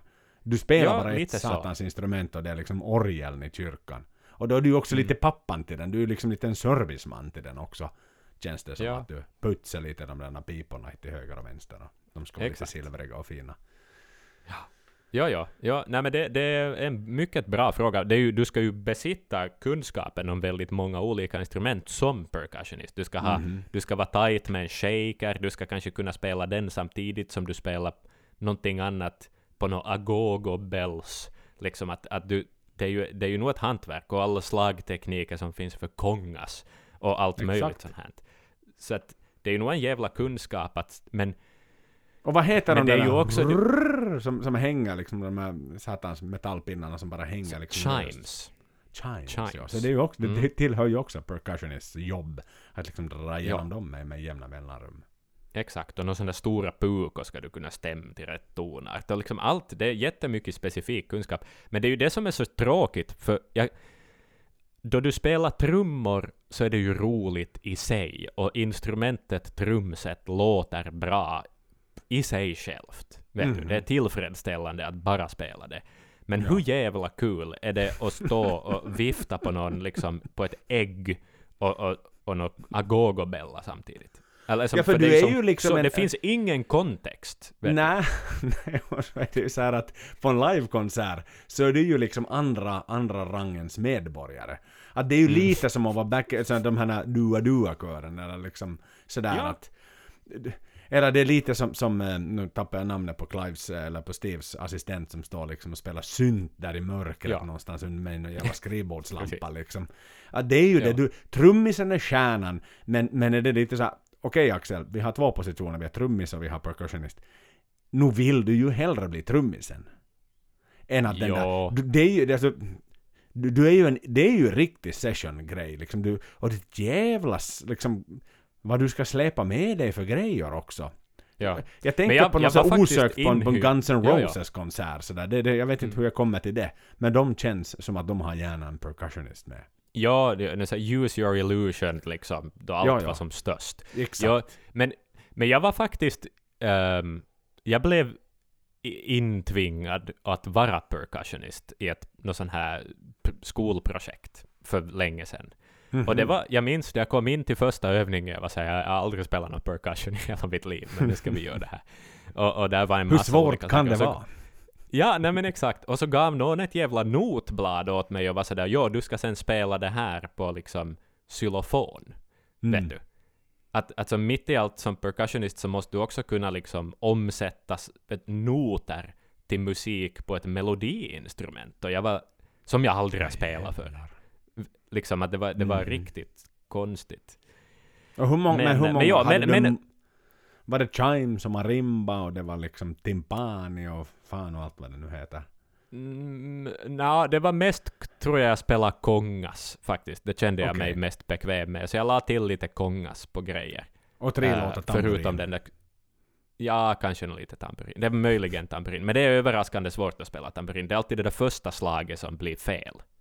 För Mhm. att du börjar alltid på offbeat. Då du tar fart för att slå slaget så kommer det där extra ljudet från jotton förr. Ja, Vet du? ja, ja. Exakt. Det är störande. Jätteirriterande.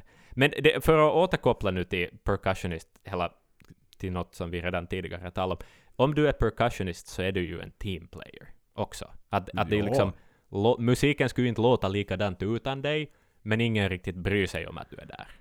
Vet du? Nej, du måste det- ju det där måste du verkligen liksom acceptera din roll som andra violinist. violinist. Så enkelt Ja. är det ju bara. Det är ju inget snack om saken. Och allt det här... vi är ju fortfarande på Hallowed Be Thy Name. För liksom allt Ja. det här börjar med kyrk, kyrkletet om huruvida du då... Axel, jag tror att du är inne på något nytt revolutionerande. Som kanske Mm. av alla Maidens miljontals Maiden-fans i världen. Så tror jag faktiskt att det här... Vad var det för... ins- Vilket instrument var det nu sen? Uh, vibrafon. klockan med. Vibrafonen.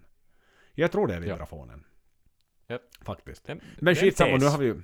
Exakt. Låt oss gå in på kompet och låt oss gå in på de mera ikoniska Clive-delarna för dig. Vilka är de? Ehm, jag vet, det är så mycket. Det är ju så mycket, det är hela låten är det ju, förstås. Alltså, det, Mhm. Va, det är hela låten. Jag, jag, jag, jag scrollar igenom här lite i bakgrunden i mina lurar och det... Discokompet, discokompet. Om vi stannar lite vid discokompet. Vilket perfekt discokomp det är. 16 delar på hi-hat. Det är liksom... Det, det har en sån groove. Du hör, hör på den där grooven. Alltså det är ju... För det där Man, är ju det är ju det som får huvudet att gunga. Det är det som får huvudet att gunga i hela den där delen av låten. För det är ju liksom. också en grej som Nico aldrig förde vidare. Var ju discokompet. Nej. Spontant. Mm, om jag skannar igenom min hjärna. Rrrt, Mm. Upp till album 17. Inte fan har Nico. Nej, jag tror inte det finns något discokomp någonstans. Nej. Nej. Kanske att han live, då han egentligen inte borde spela någonting, sitter och lite slår något på hi-haten. Vet du? Ja. Sådär som han gör, sådär på sitt rastlösa sätt. Mm. Men, men inte liksom, inte sådär egentligen. Nej. Nej, jag Det- tror inte det är att det konstigt. är discokomp alls. Faktiskt. Nej. Ja, Och sen, sen jobbar vi oss framåt. vi jobbar oss framåt. Ja, men också tajtheten i då, då låten ändrar karaktär och vi får de här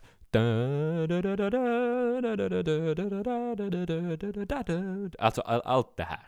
Hur Mhm. samspelt det är. Det är så underbart vackert samspelt. Oh ja, oh ja. Ja. Det blir ju inte bättre än sådär. Nej, det blir inte bättre än sådär. Och sen kommer vi ju förstås in på liksom... Äh, Jag hade... Eh, då, då jag var barn, så av någon anledning så följde jag jättemycket för eh, The Doors, vad heter den, um, Light My Fire. Och jag minns att jag mm. kunde sitta liksom och sjunga med i solorna, för att, mm. fast de är långa och så här. Men det, jag menar, det är ju samma sak med Hallowed Be Thy Names, alltså i breakarna då, som, som ju Nico lite har gjort till sina, men som ju ändå Clyde Burr har hittat på.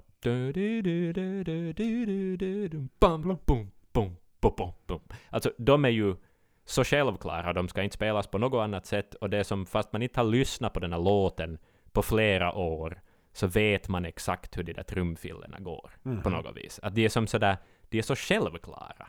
Korrekt. Det, det, ja. Och, och där gör ju Nico mer än vad Clive gör. Mhm. Även om han bygger vidare på basen som...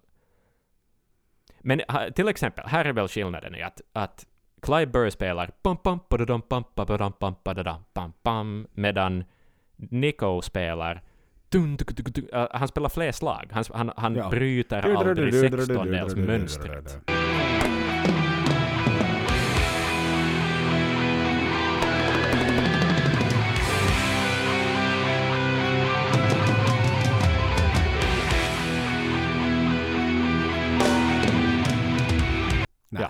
Vet du att det är konstant slag medan Clive har den där lilla pausen. Den där lilla efterteck... Äh, lite luft.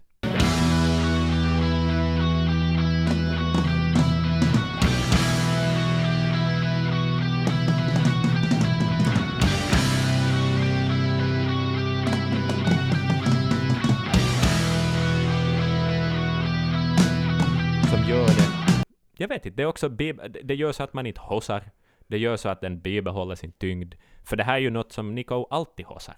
Han hossar alltid de här fillerna. Det är aldrig tight, alltså live ens. Visst, visst kan han spela de här fillerna bra, men om man skulle titta på en metronom, om man skulle försöka ha en metronom och följa det så skulle det inte gå. Nej. Vet du? När det lyser rött mer än vad det Ja. lyser grönt. Exakt, exakt. I, i, Drum Hero, om det skulle finnas ett sånt plejkaspel, så skulle liksom Nico vara lite off, även om han tekniskt spe- spelar rätt. Men, Ja, jajamän. Det är för mycket. Och samma är ju liksom, och vi har varit inne på det många gånger, det med de här raka 16-delarna. Taka, taka, taka, taka. mm, Att det är ju liksom... För det är ju det ikoniska för mig, är det. Om jag ska koka ner Clive Burr till spik, som finns kvar i kastrullen, så är det allt som finns kvar av honom. Det finns inte nu så mycket kvar av honom egentligen sådär längre. Nej. No pun intended. Men, men då är det ju faktiskt taka, taka, taka, taka. Ja. Och, det är ju också igen världens enklaste fill. Det är inte Ja. liksom Ides of March. Det är inte det, utan det är taka, taka, taka, taka. Det, det är Clive Burr för mig. I ett fucking Ja. nötskal. Så här, Joel, hisspitchen! Berätta vem Clive Burr var! Okej, det är taka, taka, taka, taka. Och alla tittar på mig och säger Ja. "Mm, Okej, det är någon som står med någon jävla vet du, stenkrossmaskin liksom och vet du, så där låter det där. Jo men på riktigt, det är bra, det är bra. Nej, det är Ja. inte bra. Då är ju bättre. Liksom, nej, det är inte bättre egentligen. Nej, utan nej. tacka, tacka, tacka, tacka. Och, och, Ja. Men det, Wow. för jag, jag började tänka på det här, för det var ju ett, ett problem under 80-talet och hårdrocken var ju Sen i något skede då trummaskinerna började komma och, och, och Judas Priest gjorde Turbo Lover och Def Leppard också nu använde någon trummaskin, vad de än säger. Eh, och så här. Så det var ju liksom önskemålet från alla gitarrister var ju liksom kan vi inte bara ha en trummis som spelar som vi säger på något vis. Mhm. Men här känns ju Clive Burr som trummisen som spelar som gitarristerna ville att han skulle spela. Vet du, ett Starlinga fokus från de här egotrippade frontmännen. Liksom att han är ju en maskin på något vis. Oh ja, oh ja. Ha.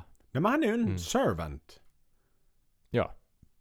Och jag, jag tror att metal skulle ha överlevt längre om folk skulle ha haft samma mindset som trummisar som Clive Burr på något vis. För att det blev liksom för mycket i något skede med Terry Bozios 65 tommar och, och, och, och du vet, hängande grejer från någon bur som du hade och liksom allt det här. Ja, ja. Men då blev det ju det Mm. där med att liksom trummisen egentligen liksom som en gjorde en facklig slags, alltså trum, trummisarnas, man gjorde strejk. Utan man, nej, Ja. nu ska vi inte sitta där bak, men vara tre stycken liksom tom-toms och en golvtom.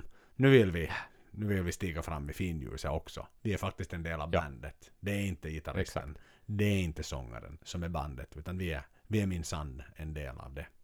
Det Vi måste ta upp fler kvadratmetrar på scenen Exakt. nu. Och vi måste ha Ja. fler hardware. Liksom vi måste få, få mer Ja. pengar in i våra, i våra Mm. produkter. För att det är alldeles för billiga grejer vi har där. Exakt, ja. Ja, men, och det, det ska ju också, liksom, jag tror vi har varit in på det tidigare, men jag nämnde det snabbt då vi nu ändå talar om det, att det är ju ändå roligt också. Jag tycker om Clive Burrs trumset väldigt Mm. mycket. Som för övrigt, har jag förstått, finns eh, att titta på i Hard Rock Café, något Hard Rock Café i London. Jajamän, det till. stämmer det. Ja. Eh, så att, eh, men för han ser ju som en prototyp av Nikos sätt, känns det Mhm. som. Att det är liksom samma tanke, det är den där hängande tomraden från vänster till höger, från trummisens synvinkel. Yes. Och, och, och så här. Och, och de här liksom, den här lutande riden var väl kanske lite där också. Ja men så Nu ska vi ta lutande är det ju inte. Nej, inte, inte lika, men... men uh, vi ska se. Clive Burr. Ja, vi rotar fram en bild eh, som är tagen bakom Clive Burr under Mm. vad som ser ut att vara det är en enorm arena Satan eh, vilken stadion. arena det här är. Det Wembley eller något sånt det här? Vad är det för någon? Att du, fan att Number of the Beast spelar på sån här stadion. Ja, det är Så du ser Spännande. Steves bas Men- där uppe. Så det är ju... Det är Ja, ju ja, ja, där är den. Ja, den blue base, eh, Mm. det är den. Men, men här har vi då hans trumset. Och om vi då tittar på hur mycket riden lutar. Joel, den lutar inte. Nej, den lutar inte alls. alls. Den, Den ligger som en vanlig ride ska ligga. ja, och den är inte konstigt över en tom som man inte kan slå på, utan den är liksom... Den är där ovanför golvtommen. Lite sådär, så att man ändå ryms och slår på golvtommen. Men han har ju mycket som, som Nico ändå fortsätter med. Han har de här små tommarna här till vänster om honom. Mhm. någon sorts oktobaner, tror jag de kallas. Ehm, han har ju två chinan. Och sen en sån där konstig gol, extra golvtom som Oh. är uppe på någon egen Det är ställning. ju lite coolt Sådär. Det är väldigt coolt. Liksom att det ser ut att det är inte för mycket, men det är ett stort trumset, men det är inte för mycket. Nej, jag skulle ju säga liksom. att... Alltså, nu, nu kan vi ju vår Niko så väl. Vi har sett honom live och vi har stått och liksom stirrat på hans eh, sätt och liksom. I dagens värld så har det ju varit så här vilket, hur, hur, hur ser sättet ut i denna turné? För det är liksom en lika Mm. stor del av liveshowen, liksom hur hans sätt är liksom stripat. Men, men i det här Ja. fallet, det här är ju ett för... Alltså som trummis så skulle jag ju bara vilja liksom flytta om allting först och främst så att jag är vänsterhänt. Ja, Men sen skulle jag liksom bara vilja leka med det. För det här är ju egentligen, det här är mer roligt än Nikos sätt. Jag skulle faktiskt vilja Ja. liksom gå bananas på det här. Men ingen splash, men en, en mycket Nej. liten crash. En Eller är det... väldigt liten crash. Nu 14 ser ni, tum nu ser ni inte bilden, så nu är det så här Nej. världens tråkigaste liksom segment i podden. Men om ni googlar Clive, Clive Burr Drum Legend så kommer ni att hitta det. Ja. Det vi pratar Japp. om. Så passa Eh, på. URL https uh, kolon slash slash www. Nej, ska. Nej men passa på och googla, googla upp den liksom eh, om ni har möjlighet. Clive Burr Stadium Mm. eller någonting sånt här. Eller Clive Burr Drum Legend era telefoner som ni ändå lyssnar på det här. Så får ni liksom bilden på honom. Att det, är- det är ett fascinerande sätt han har faktiskt. Det är det. Det är det. Mycket riktigt. Ja, men... men eh, Hallowed Be Thy Name. En ikonisk klassiker får vi väl ändå kalla det. Kan jag tycka. man skulle kunna sätta de där liksom 16-dels eller åttondels fille på loop och bara låta det loopa. Liksom. Och jag tänker så här innan vi går vidare till. Jag har liksom en sån här vet du, någonstans en avslutningsdel i det hela. Mm. Men Mm. sen fick han sparken. På grund av Mm. vad då Axel? Nu här har vi två versioner. Ehm, frågar man eh, till exempel Adrian Smith, han gav en intervju för ett par år sedan där de kom in på det här för någon metal, någon kanadensisk metalblogg, jag minns inte vad den heter. Men där talar eh, Adrian Smith om att eh, Clive levde ut rockstjärnelivet liksom för hårt. Mhm. indulged för mycket i vad det då är. Om det då är, är droger eller alkohol, men festandet kanske tog över då. Eh, Mhm. Och det här är ju det vi lär oss. Jag menar, det är ju det som berättas. Uh, sådär om anledningen till varför Clive stack. Men frågar man Clive själv, han har liksom dementerat de här grejerna ganska många gånger och han, han menar att uh, för hans pappa dog, uh, Clive Burrs pappa dog under uh, turnén förstod jag. Jag tror det var så. Um, ja, och, och då hoppar Nico McBrain in som, som touring drummer. Mhm. Uh, har jag också läst någonstans, men det här är också svårt att bekräfta. Men, men ja, tydligen ska det ha varit så. Och, och då menar Clive Burr i alla fall i andra intervjuer att, att han liksom bearbetar sorgen av sin fars död och att han liksom att, och, och på något vis att det fanns kanske lite disputer mellan honom och Steve vad gäller smak och tycke och sånt här som kanske ledde till vissa gräl och så här, men att han lite mera kanske blev utfasad på grund av personlighet eller någonting i den stilen. Mhm. eh, Och, och så här. Så att, eh, men, men Nej, för i min ja, tro så the han, ju- official story så verkar ju vara liksom nog ändå att det var att vi, han gick Ja. samma öde till mötes som, som Paul Diano Som Paul, helt enkelt. ja, att det var det precis. det handlade om. Så, så är liksom, det, det är min världsbild av, av Clive det. Mm. Så är det ja. Ja, men det, det är ju svårt att reda ut. Och, jag menar, Maiden är ju också ett band som sällan ger något nytt i intervjuer. Liksom, och, och, och det börjar också vara så länge sen som det blev det här uppbrottet, så jag vet inte heller riktigt hur, hur, hur färska minnesbilder har de här människorna i det Nej, bandet Maiden är ju lite heller. en sån här fortress på det sättet. Ja. Att, att det är nästan som en myndighet liksom Maiden idag. Att man... Det kommer som inte ut den här vet du backstabbing-grejen. Det, det är ju väl också ett sätt som, som jag tycker är fint med Maiden. Alltså Maiden har ju aldrig varit the tabloids. Maiden har aldrig varit liksom i, i, i- i skvallerpressen. Utan Nej. som allt har som skötts väldigt sådär professionellt. Och, och vilket kanske gör att It's all about the music. Det är inte, liksom, Mm. handlar inte om enskilda människors skandaler. Utan och det är väl därför Nej. man liksom tar med den på, på, på en mer seriös nivå än kanske andra artister och så vidare som då har så jävla mycket bagage och sådär. Så att Mm. på det sättet Ja. kan jag tycka att det är det är faktiskt en, en professionalism som jag inte riktigt sådär kan hitta i jättemånga andra band. Nej, nej, sant. Men, men samtidigt så kan man ju inte undgå att fundera att, att vilken story är sen då sann. Eller liksom Mm. Ja men det blir ju lite locket på. den... Ja, exakt ja. Att, att är det då, då så att rockstjärnelivet tog över och så vidare, är det, är, har det att göra med att Clive inte vill erkänna det Mm. då? Eller, eller var det en enklare sak att säga för att det vad alla förväntar sig av ett rockband på den liksom, nivån att någon ska stryka med i den där liksom, livsstilen medan det kanske egentligen fanns inre konflikter annars men de vill man inte berätta om och så här. Att det, det ja. Mm. Men vi, vi lär ju aldrig få veta liksom exakt vad det var och vad anledningen var. Ehm, mm. Nej, och det får vi ju lämna. Liksom, vi är ju för unga för att liksom, sätta oss in i den tiden och så vidare. Men, eller kanske det är en blandning av båda två rent av. Mm, mm, ja, ja, ja, det, det, det kan det ju riktigt bra vara. Antagligen är det det. Nu kan det ju också vara menar- någonstans, jag menar vi har suttit och hyllat honom för att han har varit den lojale mittbacken, om vi säger Mm. så. Växte det ut ett ego på honom på något sätt? Mm. Att sådär, Mm. hör du vet du vad, nu vill jag. Nu har jag varit jättesnäll mot er i tre album. Det vet nu visar jag vilt här, så vi släpper det direkt. Ja, ja, ja. Men i alla fall, in, inte tog nu hans liksom trumkarriär slut där inte. Utan han, vad, vad Nej. gjorde han? Han hoppade in Han, i, hopp, var då? no, han hoppade in därifrån, Nico McBrain hoppade ut. Exakt. Han hoppade in i franska bandet Trust. Mhm. Ehm, ja, det gjorde han. Han. Han gjorde väl ett par album med Trust, tror jag. Mhm. Uh, skulle det ha varit två. Ehm, och sen hade han något mer, jag li, lite lyssnat på Trust och nu hör man ju att det är, nu hör man ju att det är Clive Burr som spelar trummor. Men det är ju nog ett ganska halvtråkigt band på något vis. Ja. Eller som, Fransk mm, hårdrock. Vi, vi hade ju till och med med i Nico-segmentet så har jag för mig att de ja. spelade upp lite eh, Nico Mm, McBrain trummor därifrån. Och sen då exakt. gick han till Sen hoppade han något amerikansk band. kortlivat. Ja, Ja. Alcatraz. bara en med två sån sak. Exakt. Som finns än Ja, jag- idag. För det har varit ett sån här Ska vi hålla på? Nej, ska vi inte hålla på? Ska vi hålla på? Ska vi inte hålla på? Just det. Det är ett sånt här vet du, fram och tillbaks, fram och tillbaks. 2019 konstaterade de att hörni, så borde vi göra en reunion. Jajamän, det borde vi.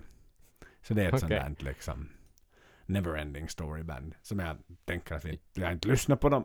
Jag orkar inte liksom sätta jätte Nej, men jag, jag, för jag kände faktiskt igen en låt, det måste jag säga, för att de, eh, deras mest spelade låt på Spotify uh, klickade jag igång och var så här, det här låter ju bekant, för den, den är med på K-Rock radiostationen i GTA Vice City. Eh, så att det där, eh, därifrån mindes jag Vad den coolt. låten. Så att, men, men det är inte, eh, där är det alltså, det ska sägas att uh, Clive Burr aldrig hann varken uppträda med Alcatraz, som jag förstår det, eller spela in någonting. Så att det var liksom ett, det var bara, han var som en av gubbarna i Maiden för eh, Soundhouse Tapes, Jaha. liksom, Meininki. Eh, Han var rekryterad och satt i övningslokalen några gånger och sen så längtade han Ja. hem kanske. ja, exakt. möjligtvis. Precis. Och sen då? Men eh, sen hände ju saker. sen blir det Eh, reunion igen va? Ja, så är det. Och reunion Um, med en gitarrist han inte visste att han skulle ha en reunion med. Nej, vänta, vem var det då? Det var Dennis Nej. Stratton kanske? Janik. Nej. Janik Gears, exakt. Han var ju Mhm. med i, i det här eh, kortvariga superbandet Gogmagog, Exakt. som vi också har talat om tidigare i podden. Det gjorde det. Ehm, I Paul Diano-avsnittet. Ja, Som exakt. Paul liksom. Diano var med. Janik Gears. Vem har vi? Någon, någon från Whitesnake och någon från Def Leppard. Jajamän. Eh, så att... eh, ja men det var inte sånt Ja, här. men det blev väl aldrig riktigt någonting. Det var mycket löften och mycket, mycket lovades det av skivbolag och allt möjligt, men det lyfte aldrig riktigt. Det landade liksom inte i någonting. Utan det blev en, en EP. I will be there. Mm. Som kom ut 1985. Som är sådär, vet du, igen. Mitt in the heydays of Maiden. Och, så då liksom släppte, släppte man sin sin Mm. EP på tre låtar. En, egentligen en glorifierad singel kanske man kan kalla det faktiskt mer än Ja. en EP. Ja, definitivt. Så där, där Ja. liksom Men, men han, han blev dit lurad helt enkelt. Mm.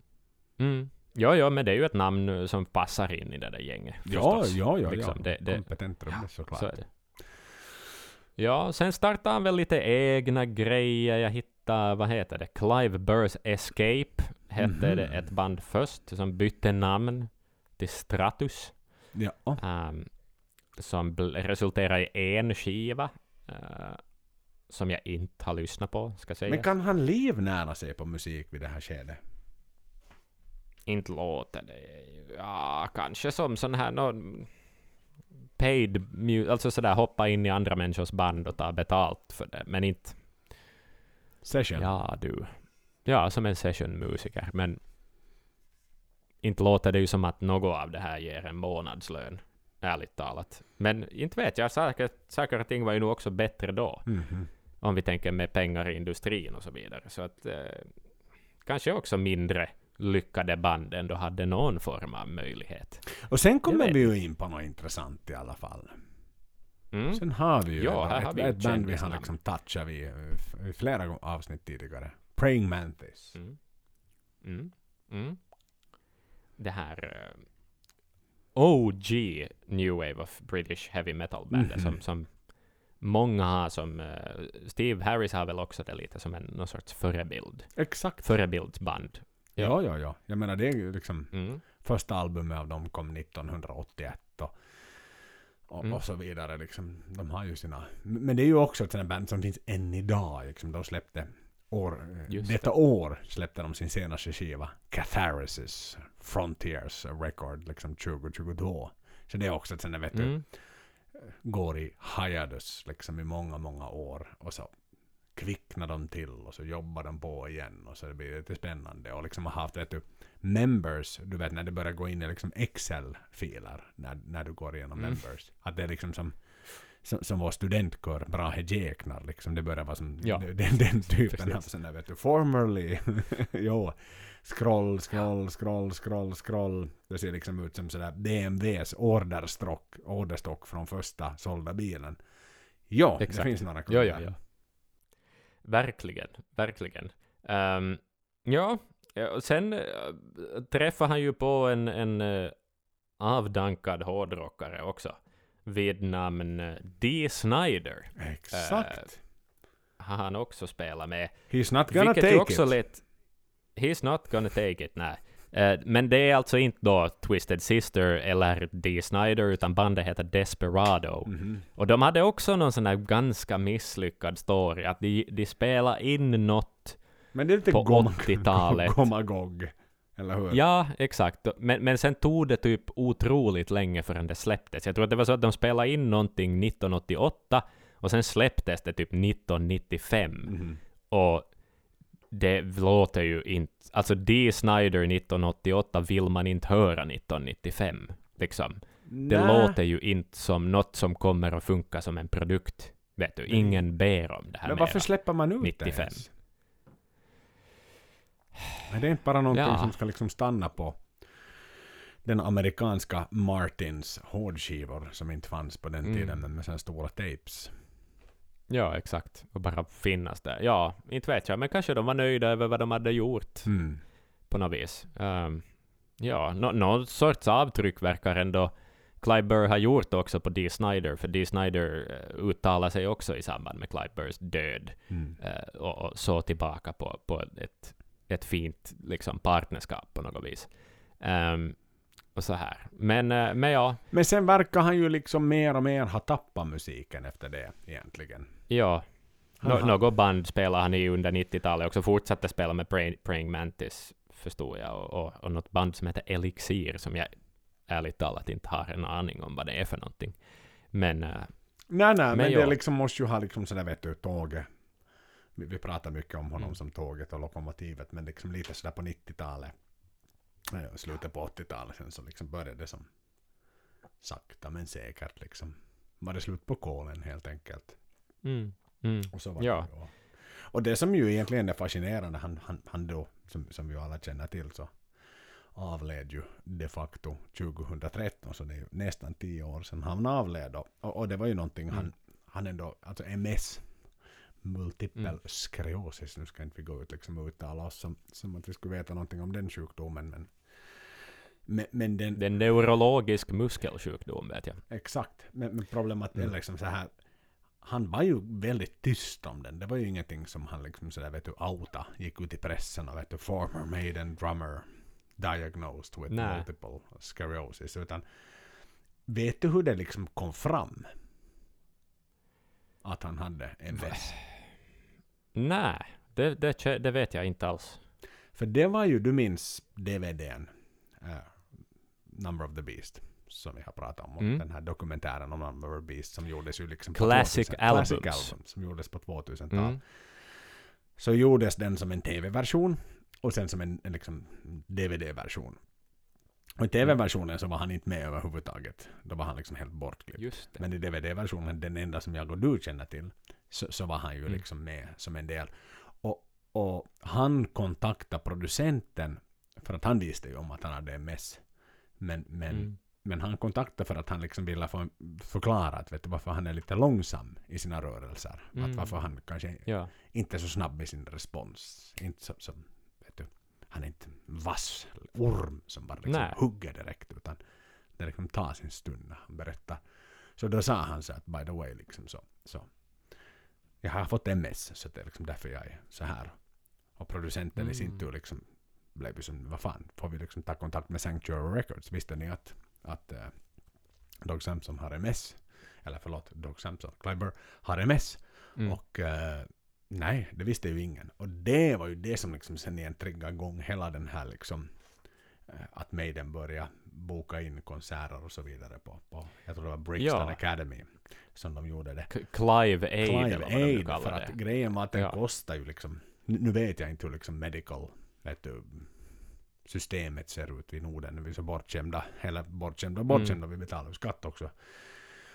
Så att eh, därför får vi gå till sjukhuset och få vård helt enkelt, inte det är värre än Ja. så. Men, men liksom att tydligen hade det att göra med att det liksom det är en väldigt dyr sjukdom att behandla och kanske då i England så finns det inte samma social secu- security som vi har här. Så att det var ju så det liksom kom igång det här med att de, men vad fan, någonting måste vi ju göra. För Rod var ju den Mm. då genom Sanctuary som fick reda på att men vet du vad, hej, på riktigt, Clive har ju liksom fått en mess att nu måste vi ju göra något. Så han ringde ju Steve. Och Steve var ju liksom vet du, anything will do. För de var ju liksom på ett mellanår. Det var ju efter Brave New Mm. World och efter Rock in Rio. Så de hade liksom ett års paus. Precis, ja. Och då var det så här, men någonting måste vi ju göra liksom. Och aktivera ju hela bandet och alla liksom, utan något snack kom ju alla med förstås. Mm. Och så bokade de ju in Brixton Academy x antal kvällar. Och jag vet att vi har lyssnare där ute som lyssnar i detta nu. Som var på plats där. Och så vidare och köpte liksom exklusiva Clive-tröjor. Och var med i matchen Mm. och sådär. Så att, och stod där på den liksom intima spelningen när man gjorde egentligen om Brave New World och sen så bytte man ut någon låt. Jag tror man satte in eh, Children of the Damned ännu som en sån här Mm. liksom ett hommage på något sätt. Och så, så kom man liksom ut, eller kom och kom ut, men att han kom ut på slutet av konserten liksom då och fick ju stående ovationer på något sätt eftersom allting var till för honom. Ja. Så Ja. att ehm, Men det var ju ärofyllt och, och liksom fint och rätt gjort. Ja, av bandet. Och vilket av ansvar man tog. ja. För någonstans det här är 20, det är 20 år senare efter att han fick foten egentligen. Ja. Tekniskt sett. Så Ja, att, och precis i början av en enorm nytändning för det här bandet också. Så här att, att men det var som aldrig en grej. Mm. Och jag menar, jag minns att eller minns och minns, jag läste här i boken att, att liksom Nico var man ju sådär, ja men vet du, du var ju ändå the guy who snatched the job på något sätt. Men, men Mm. han var ju liksom, vet du, vet du vad, det, här är sjukdomar det handlar om. Så givetvis så, så gör vi vårt, Mm. vårt yttersta för att, för att ni ska kunna, eller vi ska hjälpa honom såklart. Och på den vägen, på den vägen så gick det ju helt enkelt. nej, nej men det är en, en förlust. Det var ja, en, en, en, en enormt hemsk sjukdom uh, verkar det ju vara. Mhm. Eh, och, och, ja, nej men det är, det är synd förstås. Synd är det ju, men, men hans legacy lever ju vidare. Hans legacy lever vidare och inte minst i Maiden-podden här nu liksom med tanke på att vi gör ett Mm. ganska fint massivt hyllningsavsnitt till vår, Mm. till vår gode Clive Burr. Det som, det som sådär för mig som Maiden-fan såklart det hade ju det är ju det att man aldrig fick se honom live. Nu är jag inte född när han fick sparken.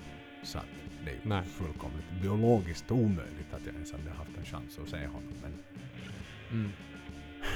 för det var det ju liksom... Inte så tråkigt för dig. Det var ju biologiskt omöjligt för dig att se Adrian Smith. Om inte han hade kommit Ja, ja, tillbaks. Bara en sån sak. Ja. Ja, ja visst. Men det, det, jag har svårt att vara ledsen över jo, Det är jo. nej, svårt det var Det är inte som att jag inte for, eller så här.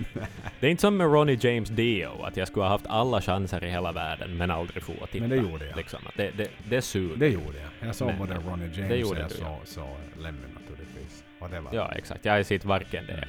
Så att Men det, jag fick, jag fick det... Jag fick se dem båda en endaste gång. Och det är ju en sån här sak som, som finns kvar. Och som Mm. lever inom.